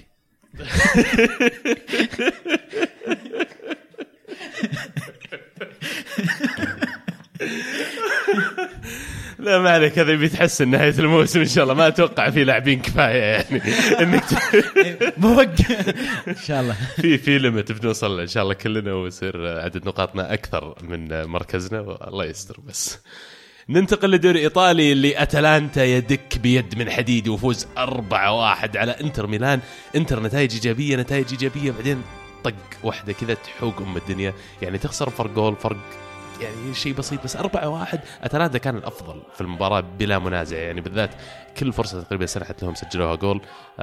هل تشوف هذا خلينا نقول يوحي عن تذبذب بالنتائج جاي للإنتر؟ للأمانة يعني اللي شاف المباراة يدرك بكل تأكيد إنه أتلانتا كان ممكن يفوز بأكبر من هذه النتيجة. وهذا هذا المقلق يعني. آه، تفوق اتلانتا آه، كان واضح في هذه المباراة. أتوقع إنه سلسلة المباريات المرهقة اللي مر فيها الإنتر كان لها دور إنه يطلع الإنتر بهذا الشكل. الإنتر ما فاز في آخر عشر مباريات في في البرغامو مع أتلانتا إلا في مباراة واحدة. التسعة كلها ما فاز فيها. أتلانتا دائما ما كان عنيد لكن يعني للأمانة قدم مباراة رائعة جدا. في هذه في قدام الإنتر. أتوقع الموضوع كله آه، فقط يعني إجهاد فقط تركيز. ويظل في علامه استفهام على بعض اللعيبة في الإنتر. يمكن أبرزهم بريسيتش اللي فيه كم سؤال عن مستوى بريسيتش وليش سباليتي إلى الآن يجامله؟ آه، الكارت يستاهلون الأحمر بس تصريفك. مقطع كلامك يا المو بس الكارت الأحمر بعد ولدنا بروزوفيتش. آه، أنت شكلك قطعت عين أنت ما أدري إيش وضعك. والله شكله عطبناه. اسلم يا المو آه، يستاهلون الانتر تصريفة مورينيو بعد آخر مباراة أن المجهود ال- ال- الكبير اللي سواه في المباريات الماضية خاصة مباراة برشلونة المجهود ليس مجرد بدني بل ذهني كبير ويعني تعثر صح خسارة ثقيلة وملعب أتلانتا يعني لطالما كان مزعج بالنسبة للإنتر. إرث كروي إرث كروي المو فعذره بسيطة والإنتر له عودة أكيد لكن ال- التعثر هذا من صالح نابولي اللي قدر يخطف الفوز من آه، جنوا إيريك جريتس حبيت أيوه حب- عفوا حبيت تعليق بس آه، ميرتنز بعد المباراة آه، اللي يقول we did it on rainy night in Genoa windy rainy night in Genoa على يلمح يبي يروح آه، الدوري الانجليزي ها؟ والله يستاهل. يستاهل الفرصة. احاول بدأ حرج بدأ حرج بدأ حرج اسمع خل خلي فقرة في آخر ال- ال- ال- البودكاست سمسار. حرج اسميه حرج فقرة okay. تحريج. لاعبين. حرج كرمان في صفقات كثير لازم نعقدها هنا وناخذ لازم ناخذ عليها نسبة صراحة ترى والسوق يعني متعطل يعني ترى والعالم والله قاعد. تشتكي سانشيز ما أخذ منه ولا ريال ترى إحنا مسوينها كلها هنا صراحة. تكلم عن نفسك. بس إنه راح راح ببلاش يعني. أنا والمو صفقة الصراحه تبادل. قفلنا الصفقة وجانا حقنا جانا مقسوم ورسالة هذه سعي مجلس سعي مجلس يا جماعة. فلورنتينو بيريز عاد إن شاء الله إذا كلمنا أبشر ندخلك في السعي الجاي. إريك جاريتس يقول مع منافس لا يفوت أي نقطة لن ينجح الإنتر في منافسته إذا كان بيضيع نقاط بايخة زي هذه. اقتنعت إنه بيخلص موسمنا بال top four وشخصيا ما تفرق بين الثاني والرابع. أهم شيء وين بنوصل بالأبطال؟ هذا أهم من الدوري حاليا. ويبدو لي هذا اللي قاعدين يسوونه انتر أصلا لأنه يبدو لي إن تركيزهم مو بس منصب على الدوري حتى مباريات ال Champions قاعدين يعطونها حقها من التحضير. فيبدو لي إنه يبغون يشوفون كيف يقدرون يوصلون في جميع الجبهات خلينا نقول وجميع البطولات. الموضوع يعني بالنسبة للانتر أشعر يعني إنه فعلا أملهم أكبر إنهم يحققون نتائج إيجابية في ال Champions لأن الثاني مثل الرابع وشبه مستحيل تنافس يعني نابولي واليوفي. أبغى أضيف نقطة بس إن الثاني مو مثل الرابع خاصة إذا تاهل لل Champions League. آه فمن ناحية توزيع توزيع الأرباح في ال Champions League آه كل فريق له زي ال- ال- ال pool. آه، فالنصيب الأكبر يكون للأول ثم الثاني ثم الثالث ثم الرابع. فإذا أخذت الثاني فيصير يصير لك مبالغ أكبر لما تشارك في ال Champions League الموسم اللي بعده. فتفرق من ناحية الأرباح بالنسبة للنادي. والناحية المعنوية كذلك.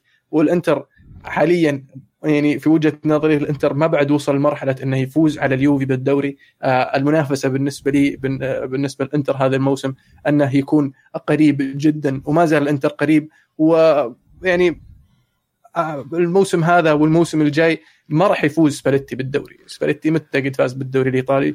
فأهم شيء إنه يحافظ على الاستمرارية وال- والوجود والثبات في المراكز ال- الأربعة الكبار. ووقتها على ما يفضل. سيميوني هناك تبدأ تفكر بتفوز بالدوري. المو أنا أشوف إن إنتر يعني لو ما عدلوا نتائجهم قريب راح يدخلون في الزوم على الجزء الثاني. يعني. لا لا ما عليك. أمورهم طيبة. أهم شيء هم لا يدخلون نفسهم بس في الزومه ما في زومه إن شاء الله. اي أهم شيء يحافظون على سباليتي على الأقل لين يفضى الحبيب سيميوني. ولازم يشوفون يشوفون الموضوع معه من بدري. يقولون لو سمعت ترى إحنا مجهزين نبي نكلمه ابشر تبغى لاعبه منا ولا لاعبه منا نجهز لك. حاضرين. إيه. زي ما ماستر سووا زي ما سووا السيتي مع بيب يعني ترى كانوا متفقين معه من بدري وجهزوا له ال- ال- الطاقم ال- ال- ال- الفن الإداري عفوا. يعني. إيه، و... صح. إيه فيعني معليش سيميوني. يعني. سيميوني. ماستر انتر يقول اللي يعتقد إن خسارة 4-1 من أتلانتا فضيحة فأحب ابشر ان هذه نتيجه ظالمة لأتلانتا. في الشوط الأول فقط هاندانوفيتش. أنقذنا من ست أهداف محققة. لا روح ولا طموح ولا عزيمة. كل اللاعبين صفر. وبالأخص بروزوفيتش اللي من يوم ما ركب السفينة مع عبد الله غرق. اللي من يوم ما ركب السفينة مع عبد الله غرق ولا عاد شفناه. وش دعوة يا أخي؟ واو. هذه هذه تغريدة الموسم. لا تعليق والله لا تعليق صراحة أبد. أبشر مالك إلا اللي يوقف في المينا الجاي وينزله. والله ما عاد آخذه. يقول لك الرجال غرق. في السفينه غرقتوا سوا أنتم. ناس السفينة غرقانين العيال. كي ماشي في السفينة وهو غرقانين تعرف؟ ينزله في المينا. أستغفر الله. فعلا. آه مشاركة أخيرة عن الإنتر بخصوص سباليتي عبد العزيز يقول قلتها من قبل وأكررها الإنتر مع سباليتي مستحيل يحقق إنجاز مدرب أقل من إنه يدرب فريق هدفه اللقب. بدأ روبن هود حفل توزيع النقاط السنوي مع التدوير الغبي اللي يسويه.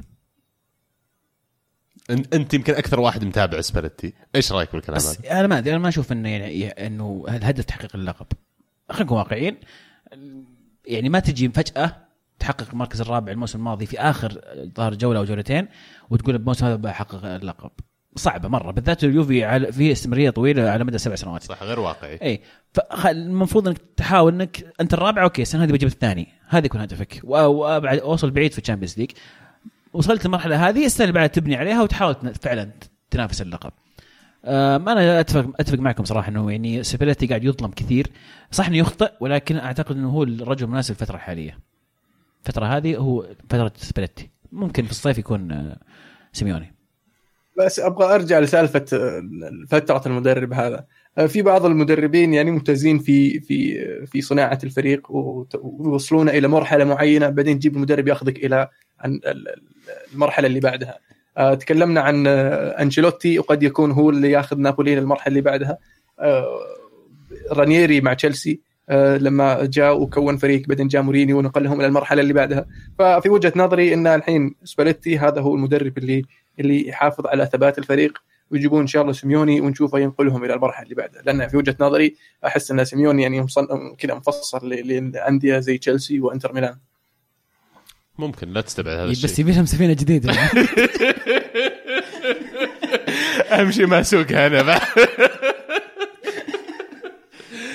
عموما hard luck لجمهور النيراتزوري يعني وإن شاء الله نشوفكم في الأسابيع القادمة. مبروك للنيراتزوري الحقيقي يعني. أوف أوف, أوف. قصدي الآخر عفوا معلش okay أنت بتزعل الجميع اليوم عليك. لا يا مزح مزح تعرف تدافع؟ والله عندي كيليني بونوتشي فيعني نص كويس نص مش كويس. طب تعرف تسوق سفينة؟ أعرف لك سفينة مستخدمة يا حبيبي والله استخدام نظيف. لعبتك يعني لعبتك. يقولون فيها لاعب. واحد يغني جنبه آه، عموما المباراة الثانية في الدوري الإيطالي عندنا اليوفي آه، يفوز في السانسيرو 2-0 على ميلان. آه، مبروك يا عزيز. آه، يمكن أبرز شيء في الموضوع وفي المباراة هذه الطرد هيغوين اللي ضيع بلنتي بعدين انطرد بنهاية المباراة. كان واضح من بداية المباراة إنه متنرفز كثير يمكن عشان آه، إنه قاعد يلعب ضد اليوفي في المقام الأول يشعر إن الفريق اللي اخرج منه. والشيء الثاني إنه تكرر في مباريات كثيرة له مع الميلان قبل. كمية الكرات اللي تجي وصناعة اللعب مهب بالكمية اللي أشعر إنه يطمح لها مهاجم مثله.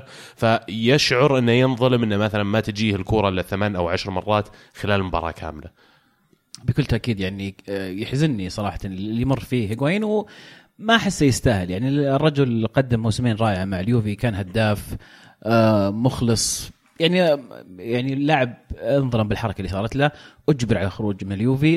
يعني كان موضوع اليوفي خذوه موضوع احترافي تماما يعني. لكن في شيء بزنس يعني. كان موضوع جبنا مهاجم لازم نمشي واحد أنت راتبك غالي لازم تمشي. هذا هو حس الموضوع. هو حس إنه انظلم وما ألومه يعني. ما يستاهل انه إنه يطلع بهالطريقة. يقولون إن إدارة يوفي كانت مقررة تبيع هيغوين من قبل ما يجي فرصة آه، شراء رونالدو. فهذا اللي ما أشوفه. هذا ما اعرف هذا ما عندي علم. آه لكن الأوضح لنا إنه هذا اللي صار. إنه اللي جابت رونالدو خلاص يعني تعني خروج هيغوين لأنه لازم يكون في توازن في الميزانية والرواتب. را- راتب هيغوين عالي. أما بالنسبة لامس طبعا اللاعب نازل يبغى يثبت نفسه يبغى يثبت إنه آه ما زال هو المهاجم ال- ال- الفتاك. جته فرصه جاب بلنتي ضيعه فريقه خسران آه زاد الضغط على اللاعب. تدخل يعني تدخل عنيف على على بن عطية في رأيي. أخذ عليه كرت اصفر يستاهل. ما أدري وش صار مع الحكم ما أدري وش قال لكن الحكم أعطاه أحمر مباشر. ف يعني حتى في كلام إنه ممكن يتوقف أكثر من مباراة لأنه طرد مباشر وفيها ترفض على الحكم. ولكن هذا كله يكون في تقرير آه، الحكم. في الأخير أنا ودي أتكلم صراحة يعني آه، عن المباراة. آه، اللي عجبني في المباراة هذه إنه فعلا أليجري على طول استوعب الخطأ اللي صار في مباراة يونايتد. إلى الدقيقة 93 واليوفي يضغط على حتى الحارس لما يستلم الكره آه، اليوفي ما وقف هجوم في هذه المباراة. و يعني اليوفي أفضل للأمانة. والميلان يعاني من من غيابات آه، في, في أعتقد خمس لعيبة غايبين يمرون في فترة صعبة. تبون نتكلم عن التحكيم؟ وش تقول؟ وش تخلي؟ أنا بلا لا تفضل. أنا أنا بالنسبة لي أنا ما أشوف فيها اي أي إشكالية في التحكيم للأمانة. يعني أنا كنت توقعت قصدك على موضوع إنه كيف تطبيق الفار والأشياء هذه لا لا أنا ودي أسمع انه لأنه كثير من الين للاسف للأسف تكرر هذا الشيء. كل ما يفوز اليوفي تحكيم تحكيم. فأنا ودي أسمع منكم بما أنكم يعني محايدين ودي أسمع في رأيكم في أخطاء التحكيم في هذه المباراة. إذا يعني أشعر غير واقعي أنك تتوقع أن أنت بتكون لك الأفضلية ضد اليوفي حتى لو أن المباراة على أرضك. آه، الفريق ميلان تحديدا يعاني كثير خلال مو بس الموسم هذا حتى الموسم الماضي. فترة انتقاليه طولت معاهم. آه، جاتوزو ما زال أنا أشوف مو هو المدرب اللي فعلا يقدر يعطي ميلان الأفضلية في لقاءات ضد آه، فرق مثل اليوفي وفرق كبيرة. فأنا أشوف يعني ولو كان في مثلا خطأ هنا وهناك ما هو بشيء اثر على جوهر المباراة وعلى جوهر النتيجة. يوفي لو عدت المباراة عشر مرات أتوقع كان راح يفوز. ف يعني غير واقعي أشوف إنك تحطها في تحكيم ولا في شيء ثاني. يعني صالح صالح بالهاشتاج يقول ليش اليوفي يساعد التحكيم في المباريات الكبيرة؟ رغم إنه عناصريا الأفضل وما يحتاج مساعدة مثل اليوم طرد بن عطية وبلنتي رومانيولي اللي تحول فاول اليوفي باعجوبه طيب إذا أنت مقتنع إن ال- الفريق اليوفي آه، يخدم التحكيم خلاص العب وانه التحكيم بيلعب يعني بي- بي- بيلعب دوره. فوز عليهم اثنين. فز عليهم كأنك تلعب 10 ضد 12 تقدر تسويها يعني في النهاية يعني أسأل تشيلساوي يعني. يعني أعتقد عد. اي سويناها ضد برشلونة اللي معاهم التحكيم. أيضا ريان يقول ميلان قدم مباراة كبيرة كفريق مدربه مبتدئ وبغياب خمس لاعبين أساسيين ضد يوفنتوس اللي معاه القوة والحظ والحكم. بس يا مشجعين اليوفي إذا تشوفون أن الناس تتهك تتهمكم لأنكم أقوى فريق في إيطاليا لا تتهموا مدريد. أنت تتهم مدريد؟ أنا ما أتهم أحد. كويس. انتبه لنفسك أنا أنا يعني آه، تعليقاتي سابقة كانت إنه في تفضيل من بعض الحكام لبعض الأندية. يوفي منهم شوف ما أقول لك اليوفي منهم لكن أنا أتكلم بشكل عام. في بعض الأحيان الحكم يشعر بالضغط من فريق الأقوى بس مو مباريات زي مثلا يوفي ميلان لا لما تكون مباراة فريق كبير ضد فريق صغير يخشى بعض الحكام إنه يحتسب أخطاء آه، مشكوك فيها 50 50 على الفريق على الفريق الكبير. يحسبها له بكل سهولة لكن يخشى يحسبها ضده. هنا هنا ال- ال- ال- أشعر إنه في أحيانا يعني محاباة. تكون ما أقول لك إنه الحكم داخل مباراة وناوي يفوز الفريق هذا لكن قرارات لازم يتخذها في أجزاء من الثانية 50 50 ويفضل إنه يريح راسه وبلاش العوار يعني عوار الراس من ال- الفريق اللي وراه إعلام وراه جمهور كبير اللي بيصيح عليك إيه. ساح إيه. إيه، فمثلا مباراة برشلونة مدريد ما أتوقع إنه الحكم يقدر يفضل واحد منهم لأن كل فريقين مصيبة لو تضغط على واحد منهم والحكام. آه، صايرين مو بذاك الشخصيات يعني تذكر لو ترجع عشر سنين قبل الحكام كانوا شخصيات تحس إنه يعني تعرف اسمه أصلا. الحين ما ما أتذكر أسامي يا رجال. صح. فصار ما لهم ذاك الشخصية اللي تفرض نفسها في الملعب. فعلا. آه فورزا بيانكونيري يقول طبعا سعيد بالانتصار على الميلان بالأداء الرائع لفريق الفريق بمقدمتهم. كانسيلو ورونالدو لكن مباراة يونايتد لا زالت تحبطني. أهم شيء يميز الفريق الفائز بالأبطال إنه يعرف ينهي الأمور. لما يكون بموقف قوة وهو بالضبط عكس اللي صار بالمباراة. كوادرادو وخضيره ضيعوا فرصتين ما يضيعون أتفق معك تماما. معليش بس كوادرادو؟ إيه. أتوقع أتوقع. قصده في مباراة آه، يونايتد. لسه يعني الحزن ما زال عن مباراة يونايتد آه كان عنده فرصة في الشوط الثاني وسطحها فوق. إيه. وش رأيك في مباراة الميلان يا مهند؟ آه بصراحة كنت قاعد أشوف نهائي ال- الكوبا ليبرتادورس حقك وأنا لو يعني ما كنت تشجع اليوفي كان أتوقع إني برضه ذيك فعلا. على طاري الكوبا ليبرتادورس بنتكلم عنه ولا؟ بنجيبه أكيد، بنجيبه ما بعد شوي بس خلينا لا تخرب الجدول حقنا يا ألمو لا تفضح المفاجآت يا تفضح يا أخي. وش الكلام هذا؟ cut cut cancel cancel. نرجع خلينا نرجع شوي. تنساه مثل السفينة شكلك هي. فقرة حول العالم واضح إنكم متحمسين فخلنا نروح حول العالم نبدأ حبة حبة الدوري الألماني دورتموند البي في بي يدك بايرن ميونخ 3 2 آه، في مدينة دورتموند آه، ماركو رويس نجم المباراة ال- الكابتن وقائد الفريق اللي قاعد يقدم أداء رائع خلال هذا الموسم. آه، يتربع على عرش آه، هدافين الدوري في الدوري الألماني هو مع باكو ألكاسير. يعني تتكلم عن لاعبين من نفس النادي موجودين على صدارة ترتيب الهدافين. هذا الموضوع اللي نحكي عنه دورتموند قاعدين يسجلون يعني زي ما تجي. ومباراة مهمة جدا أمام البايرن اللي يمكن هو المنافس اللي كانوا شايلين همه آه، في الفترات المتأخرة من الدوري. الآن بايرن يلقى نفسه في المركز الخامس خارج ال top four وفرق سبع نقاط عن دورتموند. هل game over شكل الدوري السنة هذه لدورتموند؟ لا لسه بدري. آه، الدوري الألماني حتى لو فرق سبع نقاط ما ما ما ينتهي على طول. يعني لسه بنرجع لفبراير دورتموند لسه قاعد يشاركون في Champions League ونتوقع آه، وقتها بنشوف مدرب جديد البايرن وهتتحسن أمورهم. بالنسبة لتقييم اللاعبين يعني أنا عندي تقييم إن عندي لاعبين اصنفهم في فقرة ال superstars خلينا نسميهم اللي هم ناس طبعا باستثناء ميسي ورونالدو واللاعبين هذول المعروفين آه، لاعبين مثل أجويرو لاعبين مثل نيمار آه، لاعبين يعني آه، اللي على أعلى مستوى. أنا أصنف من ضمنهم اللي هو ماركو رويس. هل تشوفون إنه راح يستمر في دورتموند في الف... خلينا نقول الآن يمكن الفترة الأخيرة راح تكون من مسيرته على أعلى مستوى ولا ترشحون الانتقال إلى دوري أكبر؟ في وجهة نظري دورتموند في الفريق اللي هو كان يحلم يلعب فيه. ويعني طلع على أساس يكسب الخبرة مع جلادباخ وعودته للفريق و- وخروج الناس اللي حوله. آه، ومع ذلك استمر مع النادي وحاليا هو قائد الفريق. فما أتوقع أنه راح يطلع في وجهة نظري. يعني يجي في بالي أنا معلش يمكن لاني أرسنالي أقولها بس أنا أشعر أن رويس لو جاء أرسنال بيكون مكان ثاني مناسب جدا لهذا اللاعب. معليش ممكن تعيد؟ أقول يعني مو بس لأني أرسنالي لكن أشوف أنا أسلوب لعب أرسنال آه، مناسب جدا للاعب مثل ماركو رويس إنه ممكن يستمر في نفس الإبداع بس على platform مختلف خلينا نقول في الدوري الإنجليزي بدل الدوري ال- ال- الألماني. المفروض يعني أشعر إنه المفروض يصير عنده طموح يجرب نفسه في دوري آخر. ممكن يكون one man one team man يعني غصبا عنه طلع أصلا من دورتموند قالوا له أنت جسمك صغير ما تنفع تلعب أصلا. عشان كذا طلع. في الأكاديمية. بعدين يوم رجع مسك ال- الحين كابتنية حتى قاعد اي بس. يعني أنا يشعرني أنا ف- خلاص هو بدأ يصبح هو لاعب دورتموند هو اللي يمثل دورتموند. بالضبط. هو الرجل اللي خلاص يعني راح أظل في يعني زي أيام طلع جيرارد مع ليفربول. إلى الآن ما طلع فأشوف إنه صعب. تشوفونه زي ذول زي جيرارد وتوتي واللاعبين اللي ما طلعوا من أنديتهم. إيه. بدأ يصير خلاص هو رمز أو بس باقي له ترى اللاعب عمره 28 سنة تقريبا أو 29 سنة ف إيه بس يعني في أوجه الحين. وش بيطلع وش يبحث عنه؟ خلاص يعني. بيروح البايرن مثلا؟ لا يطلع من الدوري الالماني يا أخي يعني أحس احس مدريد أحس لو ينفع في أرسنال ينفع حتى لو يجيبون الميلان لو يكون طموحين وعندهم فعلا الميزانية يجيبونه. لاعب يغير آه، إمكانيات فريق. أحس طلعته بتكون زي طلعة بودولسكي آه، من الدوري الألماني. آه، إصاباته واجد ما حد راح يصبر عليه. فمعناته لما يطلع بيكون لنا دورتموند ما يبغاه. ما أتوقع دورتموند ما يبغاها أبد. بس هذا هذا أتوقع اللي راح يكون السبب الوحيد خروج آه، رويس من دورتموند لأنه واضح إن اللاعب هو يبغى يلعب مع دورتموند وكان طموحه من دون صغير إنه يلعب مع دورتموند ولما تحقق له الأمل واستمر وقاعد.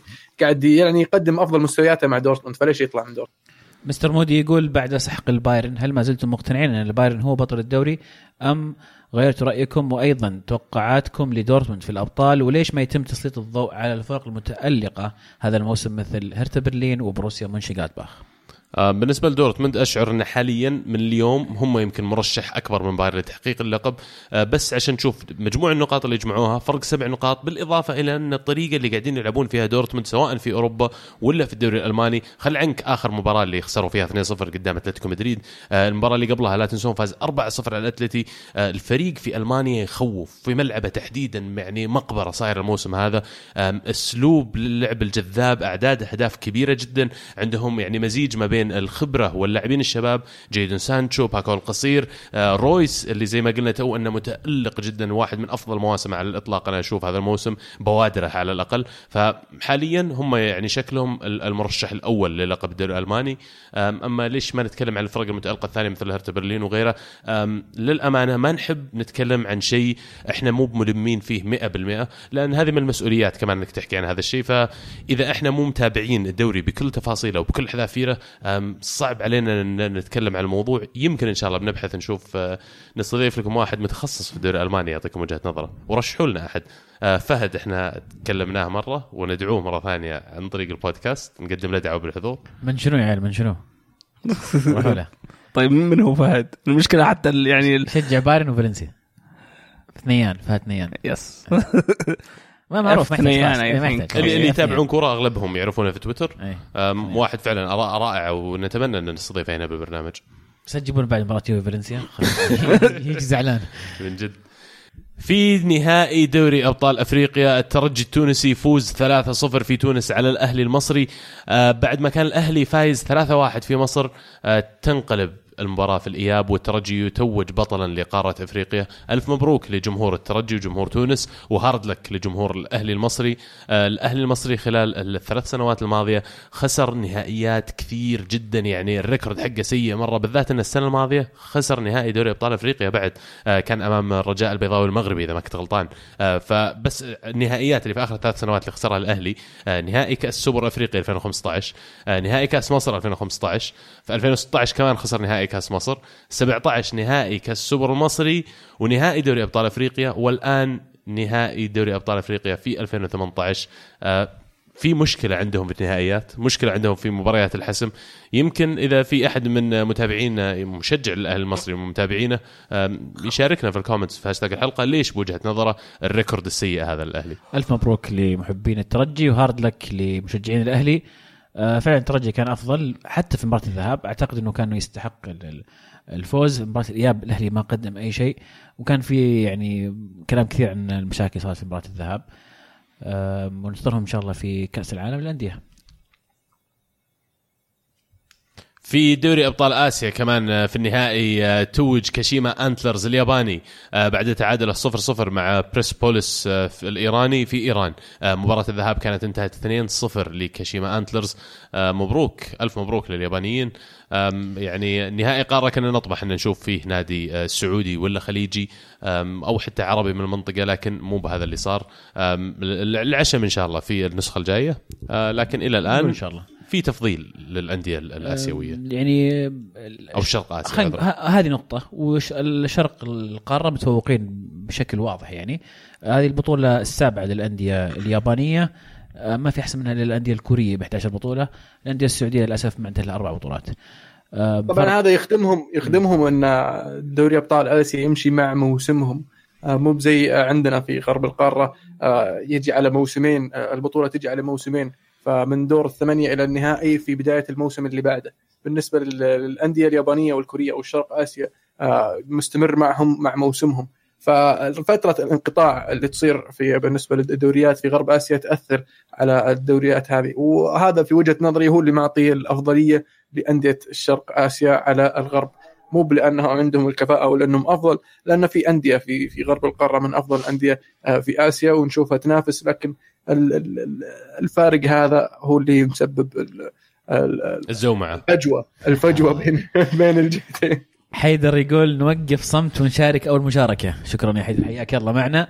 يعطيكم العافية على اللي تقدموه. شغل احترافي معنى الكلمة. عندي سؤال بسيط. ليش الاتحاد الاسيوي ما يسوي نفس الاتحاد الأوروبي؟ أن يكون عدد اللاعبين الأسيويين مفتوح وثلاث أجانب غير أسيويين لكل فريق وبكذا ترفع أسهم اللاعب الأسيوي ويحترف داخل آسيا. آه، وجهة نظر جيدة لأن في أوروبا كرة القدم آه، هنقول آه، متطورة أكثر مو بس متطورة ناضجة أكثر. اي هذه الكلمة النضوج اللي وصلت لها كرة القدم الأوروبية آه، تخليك تقدر إنك تفتح الحدود بالطريقة هذه. آه، لكن في آسيا ما زالت كرة القدم غير ناضجة وما زالت في دول كثيرة متوقع منها الكثير وما زالت تطور الرياضة عندها.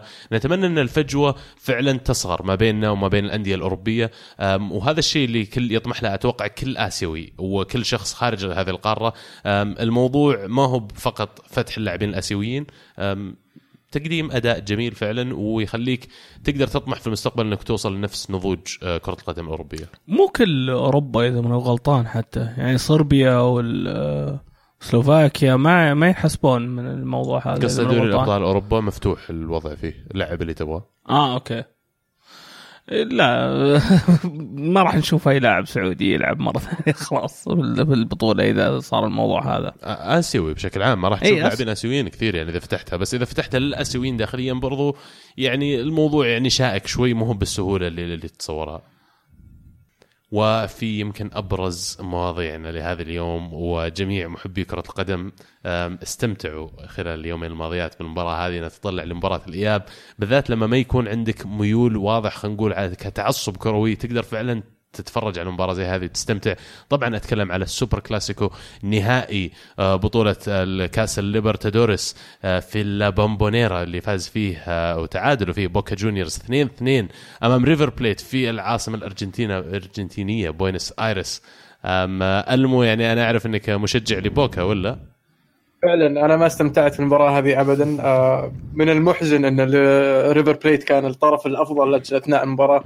وتفوق صراحة بالنتيجة لأن انتهت مباراه 2 2 آه، في أرض بوكا جونيورز وهذا النتيجة من صالح آه، ريفر بليت ومباراة العودة راح تصير صعبة على الفريق أو آه، يعني الله يسهل.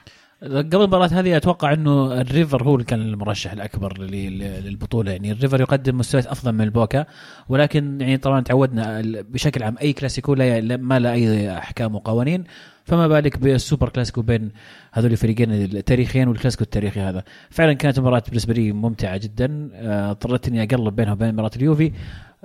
ولكن نت- نتطلع لمباراة الإياب. في المونيمنتال أتوقع راح يكون استمرار الحريقة وراح يكون الضغط أكبر لأن هي مباراة الحسم. وأنا أشوف إنه بعد بوكا ضيعوا فرصة حقيقية بالذات بنديتو مهاجم المنتخب الأرجنتيني يعني ضيع فرصة أمام الباب. لعب له اياها كارلوس تيفيز كارليتوس.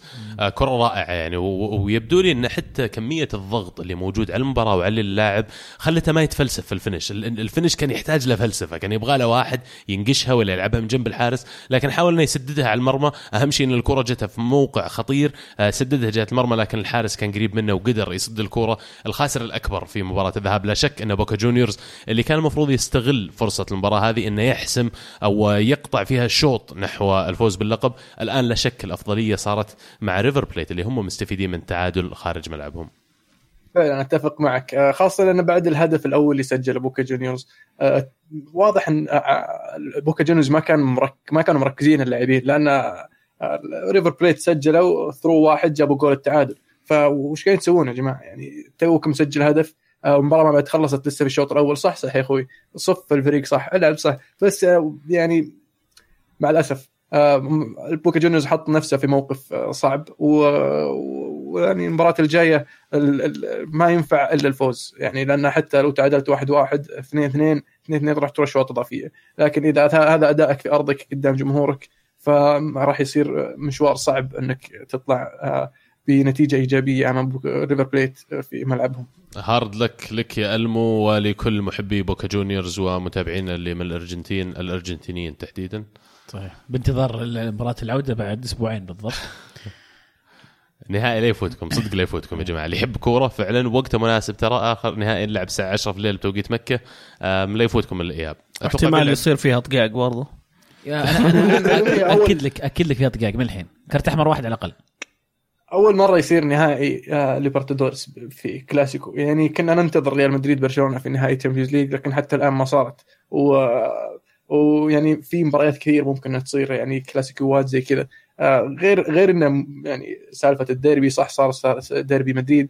آه، لكن ال- ال- التنافسية حد التنافسية بين مدريد وبرشلونة بين آه، ليفربول يونايتد بين آه، رينجرز وسلتيك هذه الأندية اللي بينها كذا تنافسية عالية جدا لدرجة إنها تكون من بين أفضل آه، عشر أو خمس ديربيات أو كلاسيكوهات. يعني ما أول مرة تصير في تاريخ كرة القدم. وأحد من أحد الأشياء إنه يقول لك آه، شو اسمه ال mayor حق آه، بوينس ايرس يقول أنا ما كنت أتمنى إن هذا النهائي يصير لأن إذا صار راح تصير مشاكل كثير. راح نضطر إن نرفع مستوى الامن وراح راح تصير مشاكل أكيد. ويقول لك إن في ناس كثير يعني آه، عروس زواج رفضوا يروحون الزواج. لأنه وقت المباراة. يقول مش مش اللي حاط لي الزواج وقت مباراه نهائي الكوبا ليبرتادوريس مع آه، ال- ال- السوبر كلاسيكو؟ وش- ماني بحاضر. اي والله ما تتفوت. يا حبيبي أعرف لك واحد. انطرد من مباراة فريقه عشان يروح الأرجنتين ما يحضر ما يلعب المباراة الجاية. سمعت عنها هذه؟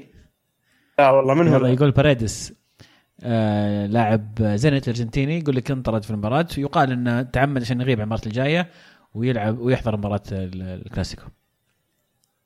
معلومة بصراحة. في الدوري السعودي آه، النصر فاز 2-1 على الاتفاق. آه، لكن الموضوع الأهم واللي نبغى نتكلم عنه اللي هو خبر إقالة كارينيو مدرب النصر. بعد بداية رائعة للدوري وعدد نقاط يعني لا بأس به وكانت يعني بداية خلينا نقول آه، توحي بأن النصر راح ينافس على الدوري.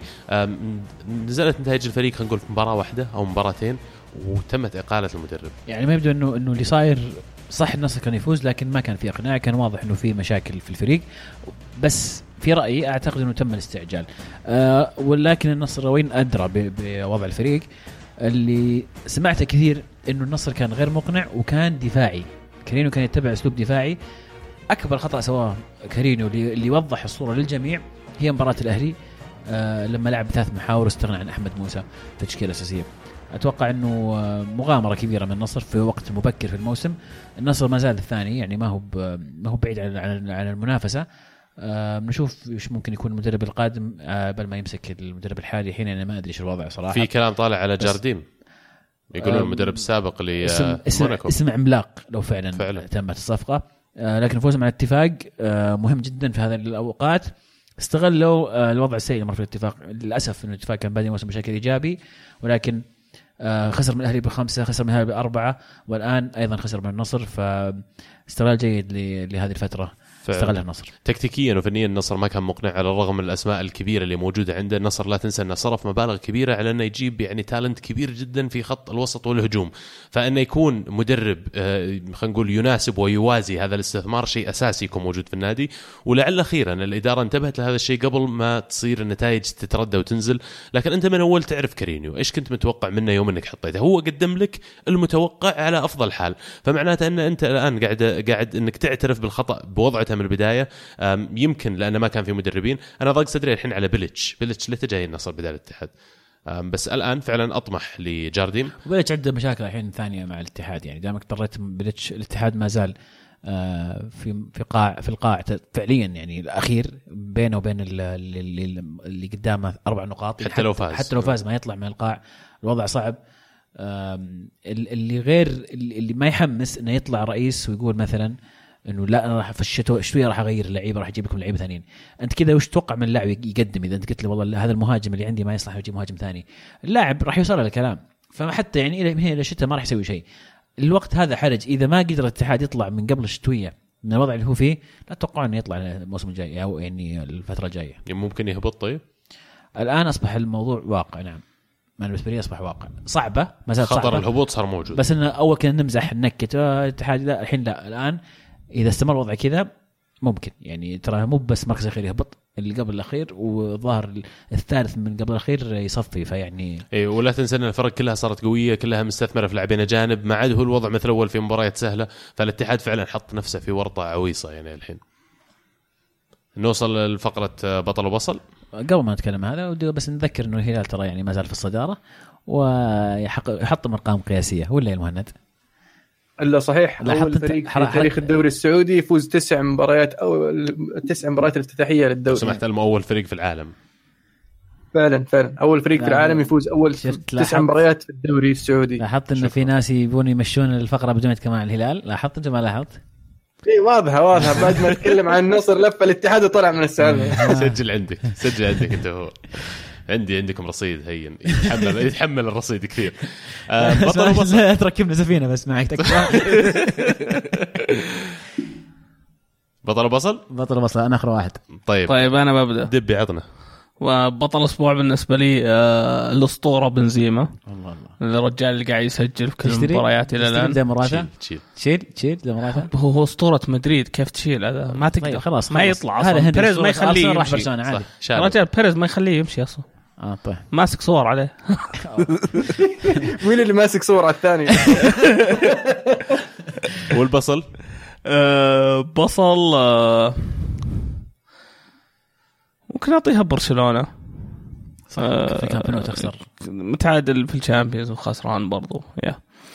أه هدف الأسبوع يمكنني زرفته من عزيز بس أه بعطيها هدف رونالدو ضد. اليونايتد.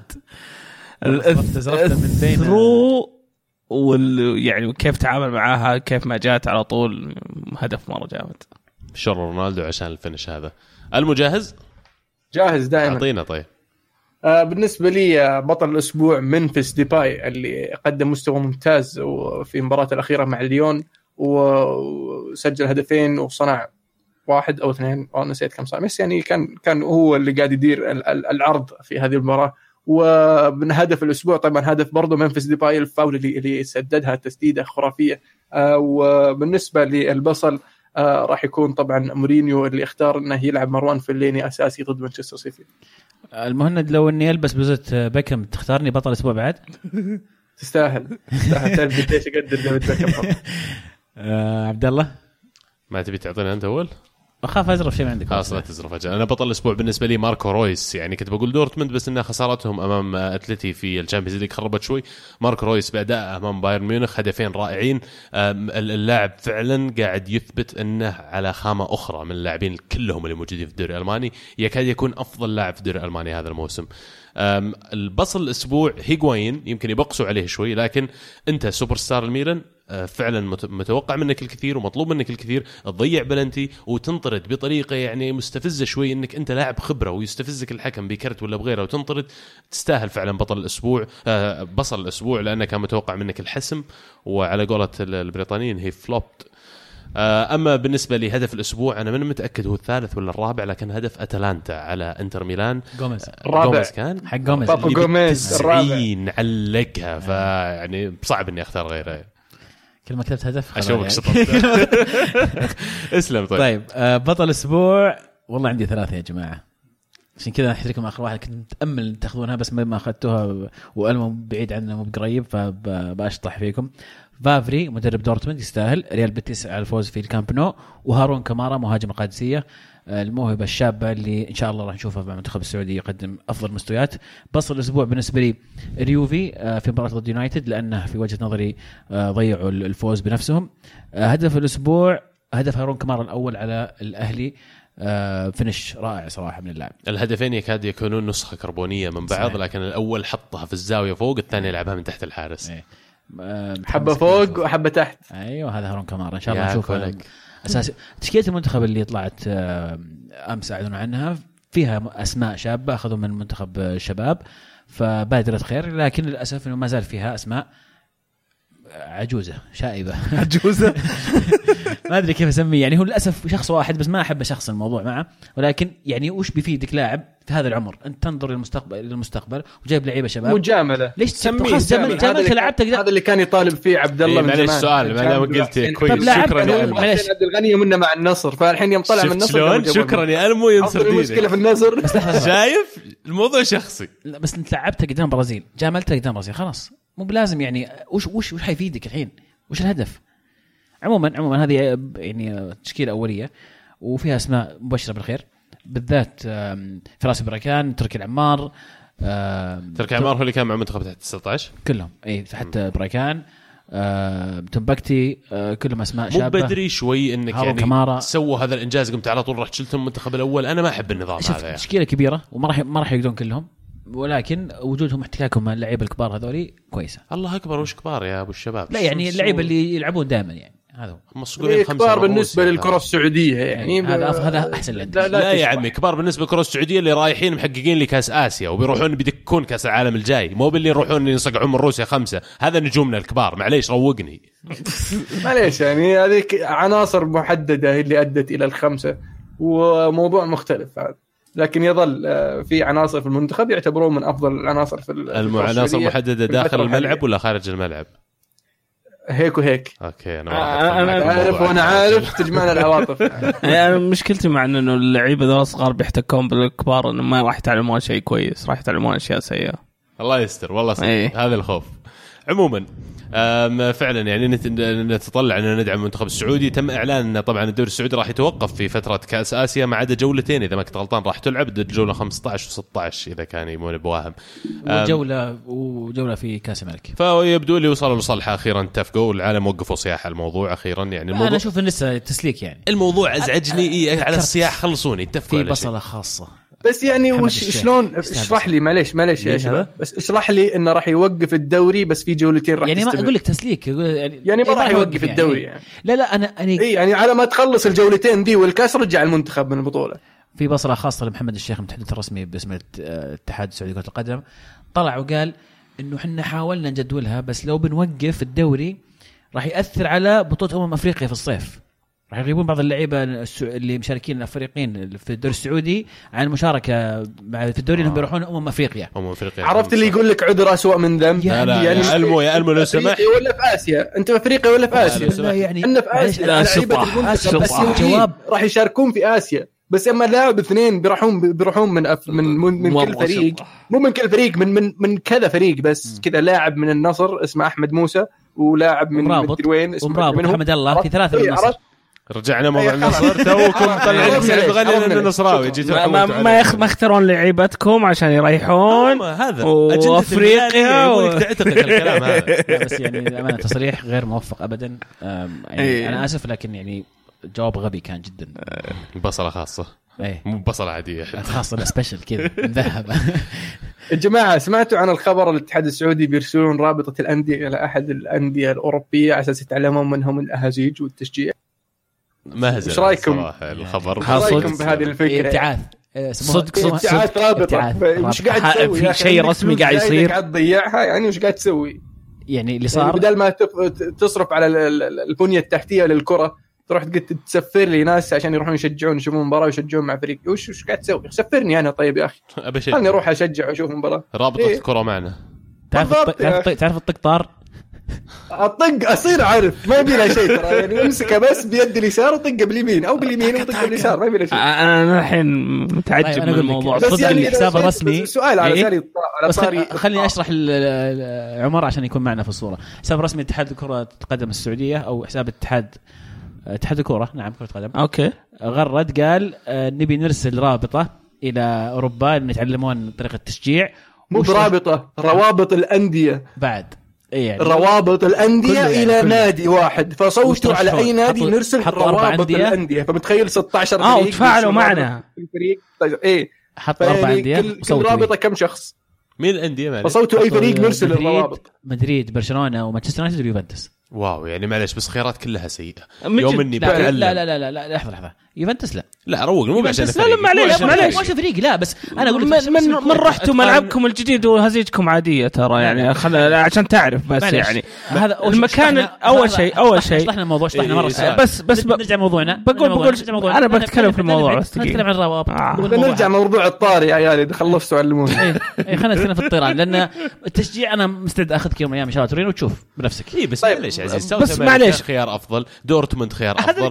ليفربول خيار ليفربول. عرفت؟ هذول الأندية اللي أنا أشوف صح أنا ما أقول لك أفضل خيار. إي آه، دورتموند يا ابو الشباب دورتموند قلنا دورتموند في البداية. من الاربع ذول. إي قول لي ليفربول ترى ليفربول يغنون نغري دورتموند. كلهم في أربعة أفضل منهم في نفس حولهم حولك حواليك يعني. فخياراتهم كانت على الأندية الكبيرة.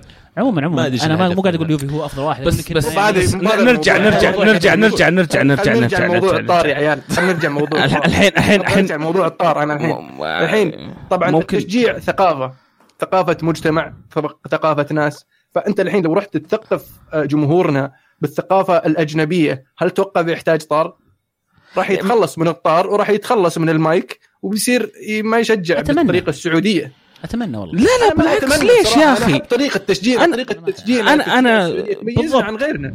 فأنا أبغى الطار أبغى الطار يكون موجود. أنا أستمتع بجمهور الاتفاق لما يغني آه، وين وش اسمها الأغنية دي؟ ألا يسرى خاطري وش اسمه يسرى خاطري اي إيه، كذا يشطح لك؟ في نص المباراة فايزين 3 واحد مستكنين الشباب في المدرج يصير يا سلام خاطري. عطى فرصة عطى فرصة. اسلم. اي يعني معليش كل آه، ديرة لها طابعها في التشجيع وهذا اللي يميزها وهذا اللي بعض المرات يخوف الفريق الخصم.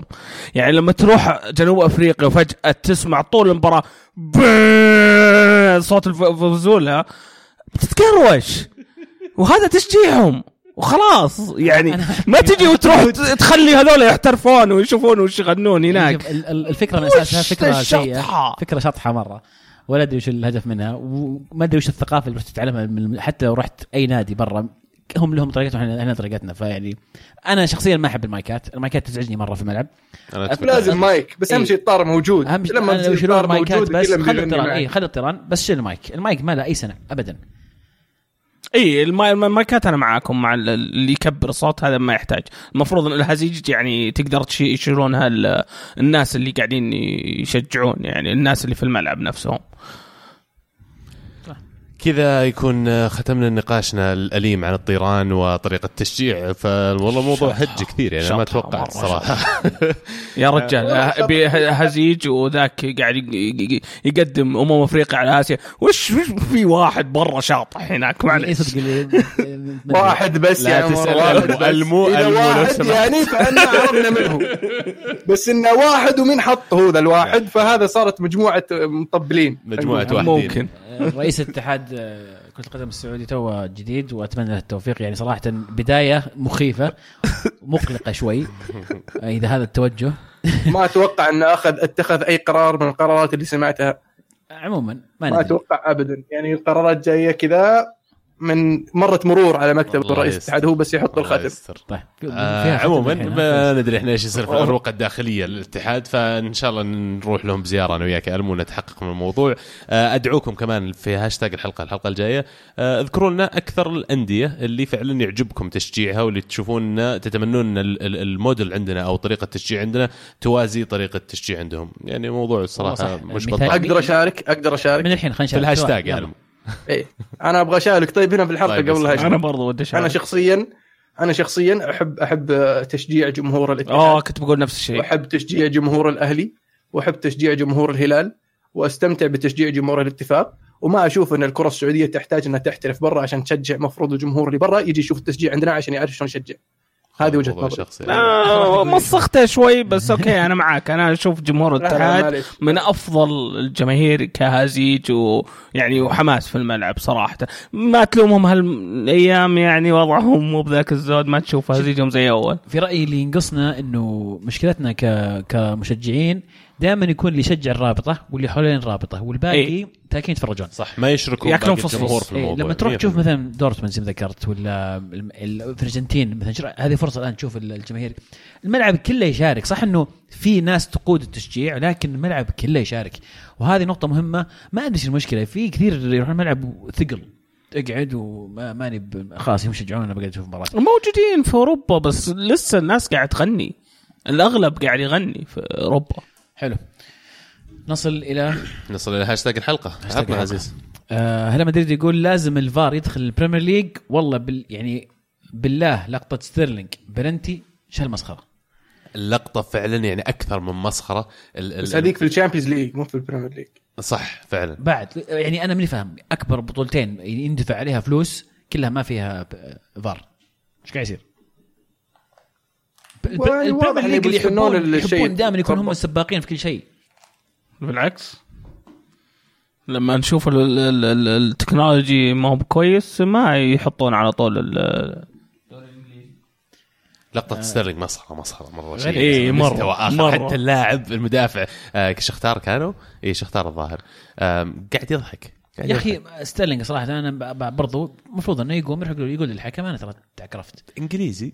ما لا ما لا يعني بغض النظر بس في كثير بس يسوونها ناس حط. حط نفسك مكانه يعني هو مو مضطر إنه يقول الحكم ترى لا بس واحد صفر واحد. صفر وفريقي أقوى من فريق قدامي بفوز أنا مضطر الحكم اعطاني بلنتي أنا ما راح أقول له إيه، لا بس ما جاك. خير ما تقول ما عندي معون مهند أنا متعكر في يعني في كاميرات اليوم أنت مدرب إيه. هو قال كذا تعاقبه ولا لا لا؟ ما عاقبه ما عاقبه لا لا بالعكس طب لو حاول. هو يمثل هذا الموضوع مختلف بس هو ما حاول يمثل هو شات الأرض طاح على وجهه طيب مفروض يقوم يقول يا حكم ترى أنا تعكرت ما فيها شيء. أنا أتذكر كلوزا كان جايب هدف إيه، جاب هدف بيده بيده، إيه. وراح للحكم وقال لا أنا لمستها بيدي. ولا الحكم كان بس مو بكل هدف. الكلوزه يا عمر. هذا هو ف- يعني ه- هذا اللي يميز لاعب عن لاعب.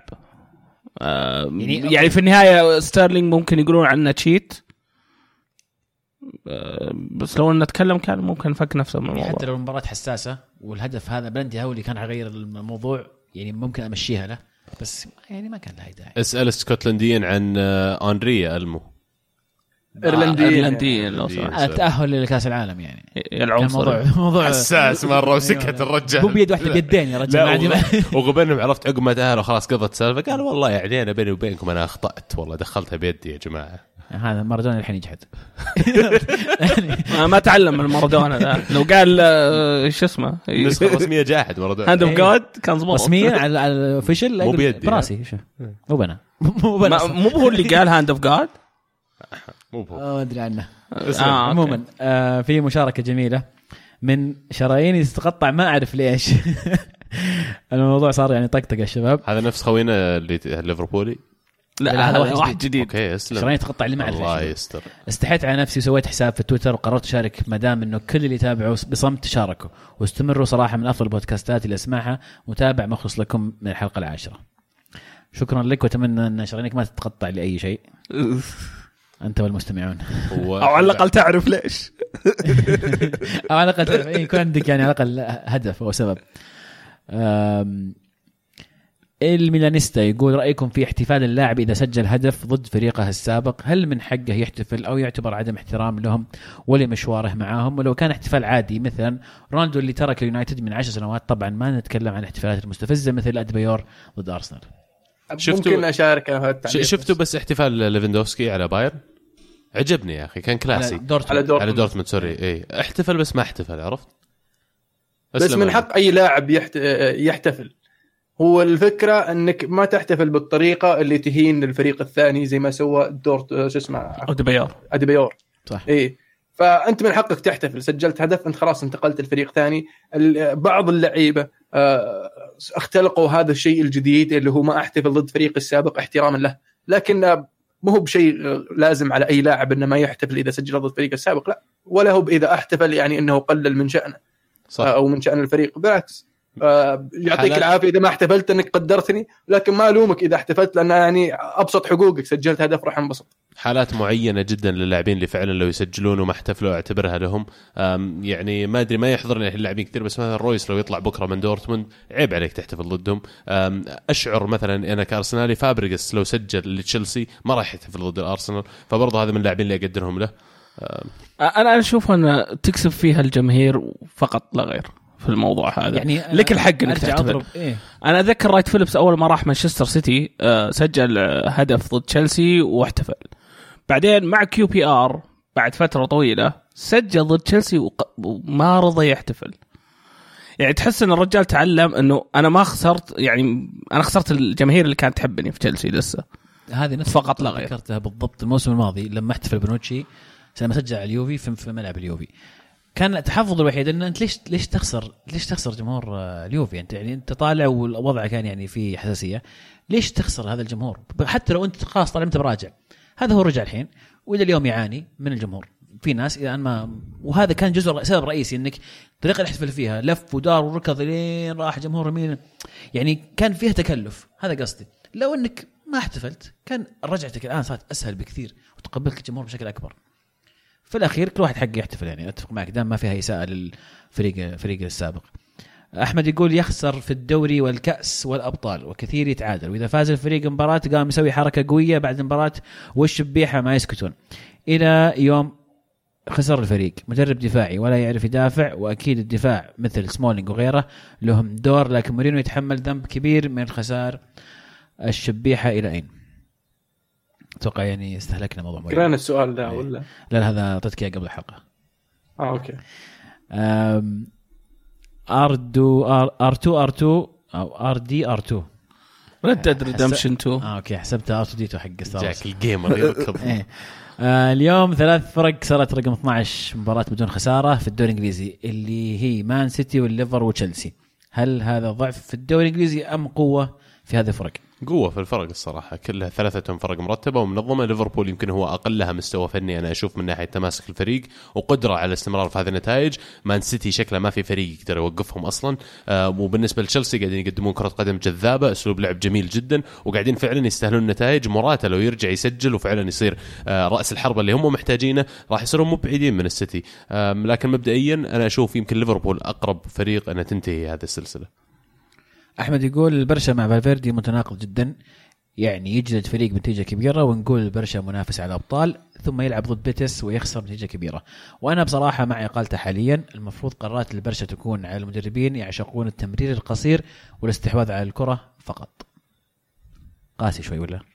كأنه شوي يعني بالذات إن فالفيردي لا تجي تحكم عليه من مباراة واحدة. يا أخي احكم عليه على مدى مسيرته مع برشلونة. نسبة الفوز حقته من برشلونة عالية جدا. حقق معك الدوري الموسم الماضي والدوري والسنة هذه بشهادة جميع مدربين أوروبا هم المرشح الأول لتحقيق ال Champions League.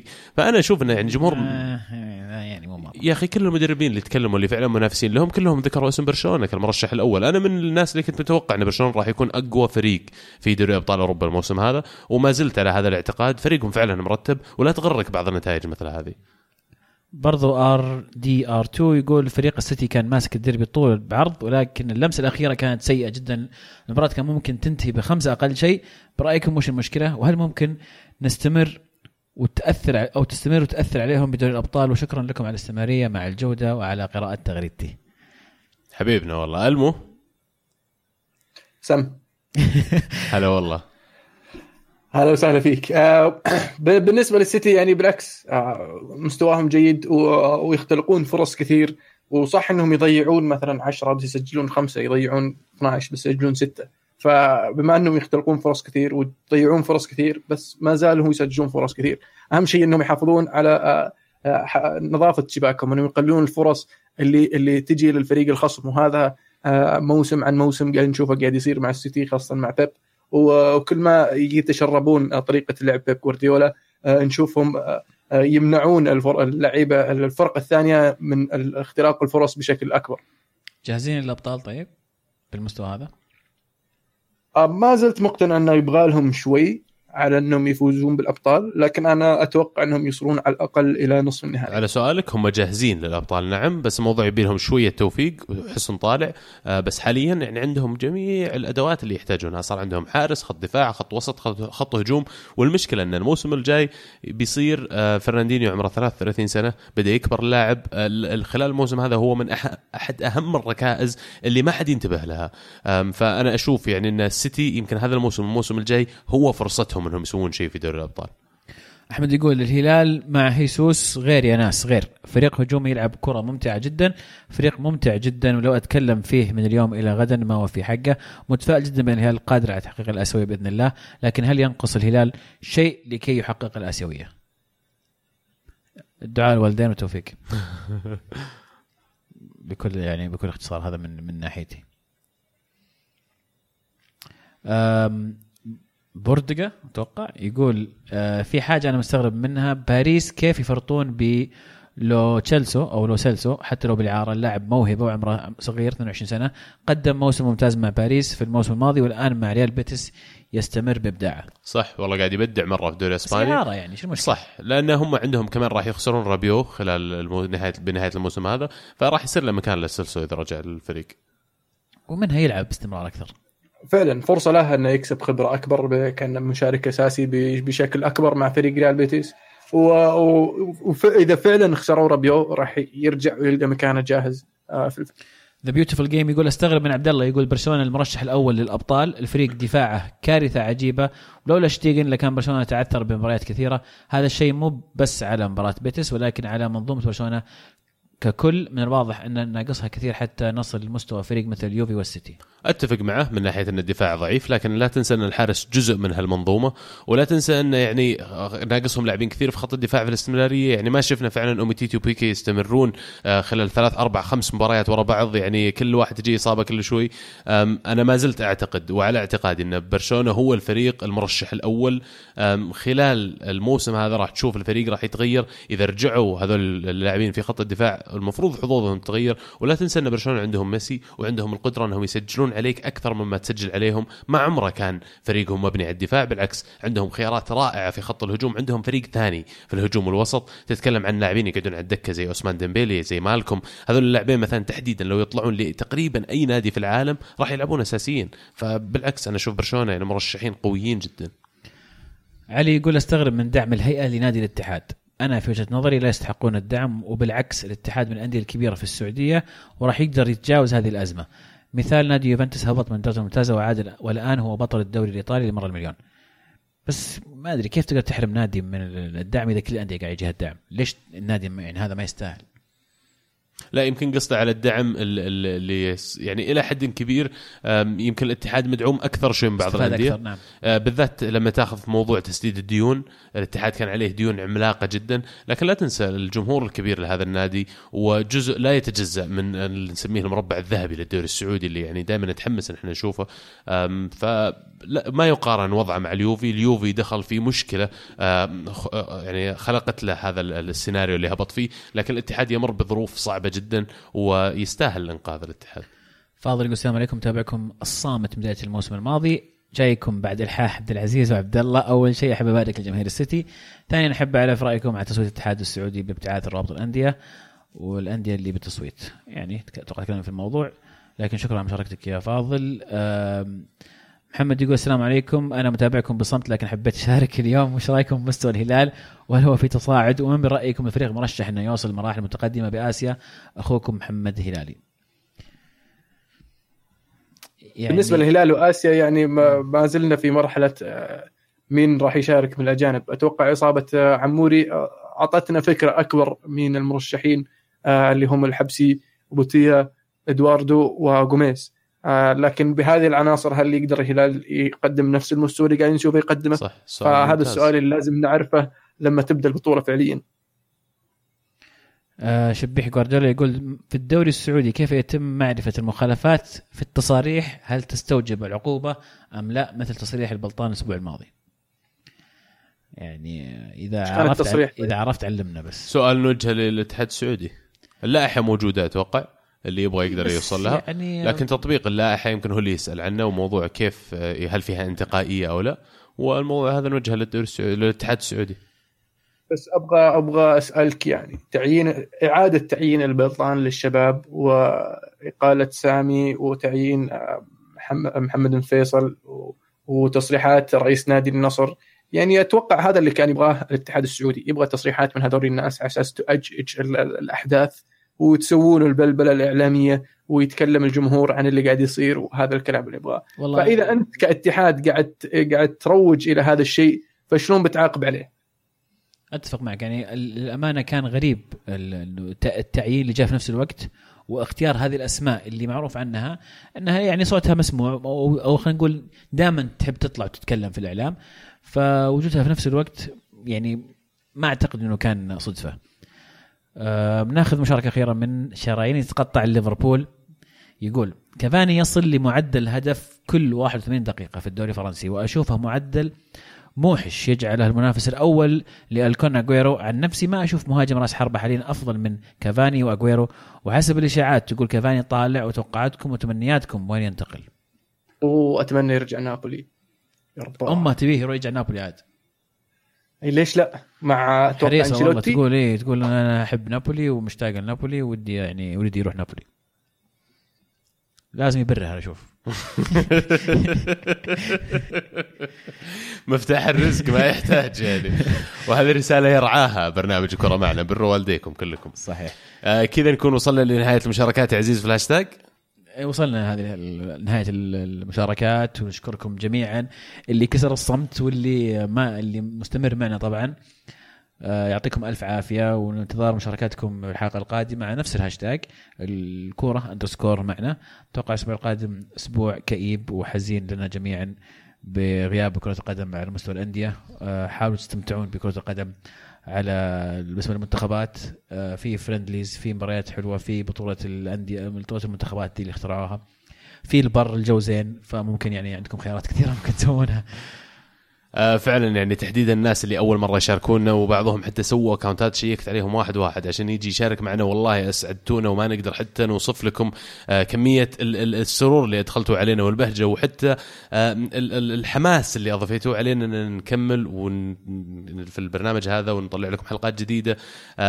الأسبوع الجاي نبغى كمان اللي ما شاركوا معنا الآن يشاركون ويضيف هاشتاج كمان أول مرة. نبغى نشوف كم واحد يشارك معنا الأسبوع الجاي. عموما كذا نكون وصلنا لختام هذه الحلقة وذكرنا أغلب المواضيع اللي أسعفنا الوقت أن نذكرها مع مشاركاتكم اللي فعلا أثرت حلقتنا لهذا اليوم. آه، نذكركم بمتابعة جميع حساباتنا على حسابات التواصل الاجتماعي الس- ال social media تويتر ايتونز ساوند كلاود سناب شات يوتيوب آه، انستغرام لا تخلونا في كل مكان نبي comments تفجير لايكات و... واتركوا لنا reviews كمان في في Apple Podcasts طيب. والله أنا بيني وبينك. أنا قاعد ألعب في ال Weekend League فيفا 19 كثير وقاعد قربت كثير من ال top 100 للي يفهم فيفا إذا ودكم والله تكونوا مهتمين بمحتوى زي كذا أبث لكم آه، والله المفروض تبث من أول أنا أقول لك. ال Weekend League والله أنا قاعد أشوف الموضوع هذا اني يمكن أبث ال Weekend League تحديدا لأن في حماس كبير والفت قاعد يصير فت مو طبيعي. قاعد اجلد العالم. كفو. والله خلاص إن شاء الله نشوف إذا الشباب اتقوا لهم على. الناس اللي في الأونلاين يا عبد الله ونجي طيب، تعلمكم آخر مرة علي ترى كان في 2007 وإحنا في الجامعة بس عشان تصير في الصورة معليش يعني. معليش لا تبدا تبدأ تألف وتعطي أخبار مغلوطة. آه، نذكركم كمان آه، تتابعون ألعاب دوت نت لكل ما هو ألعاب. آه، كانت الكرة معنا والحين الكرة معكم. فما الله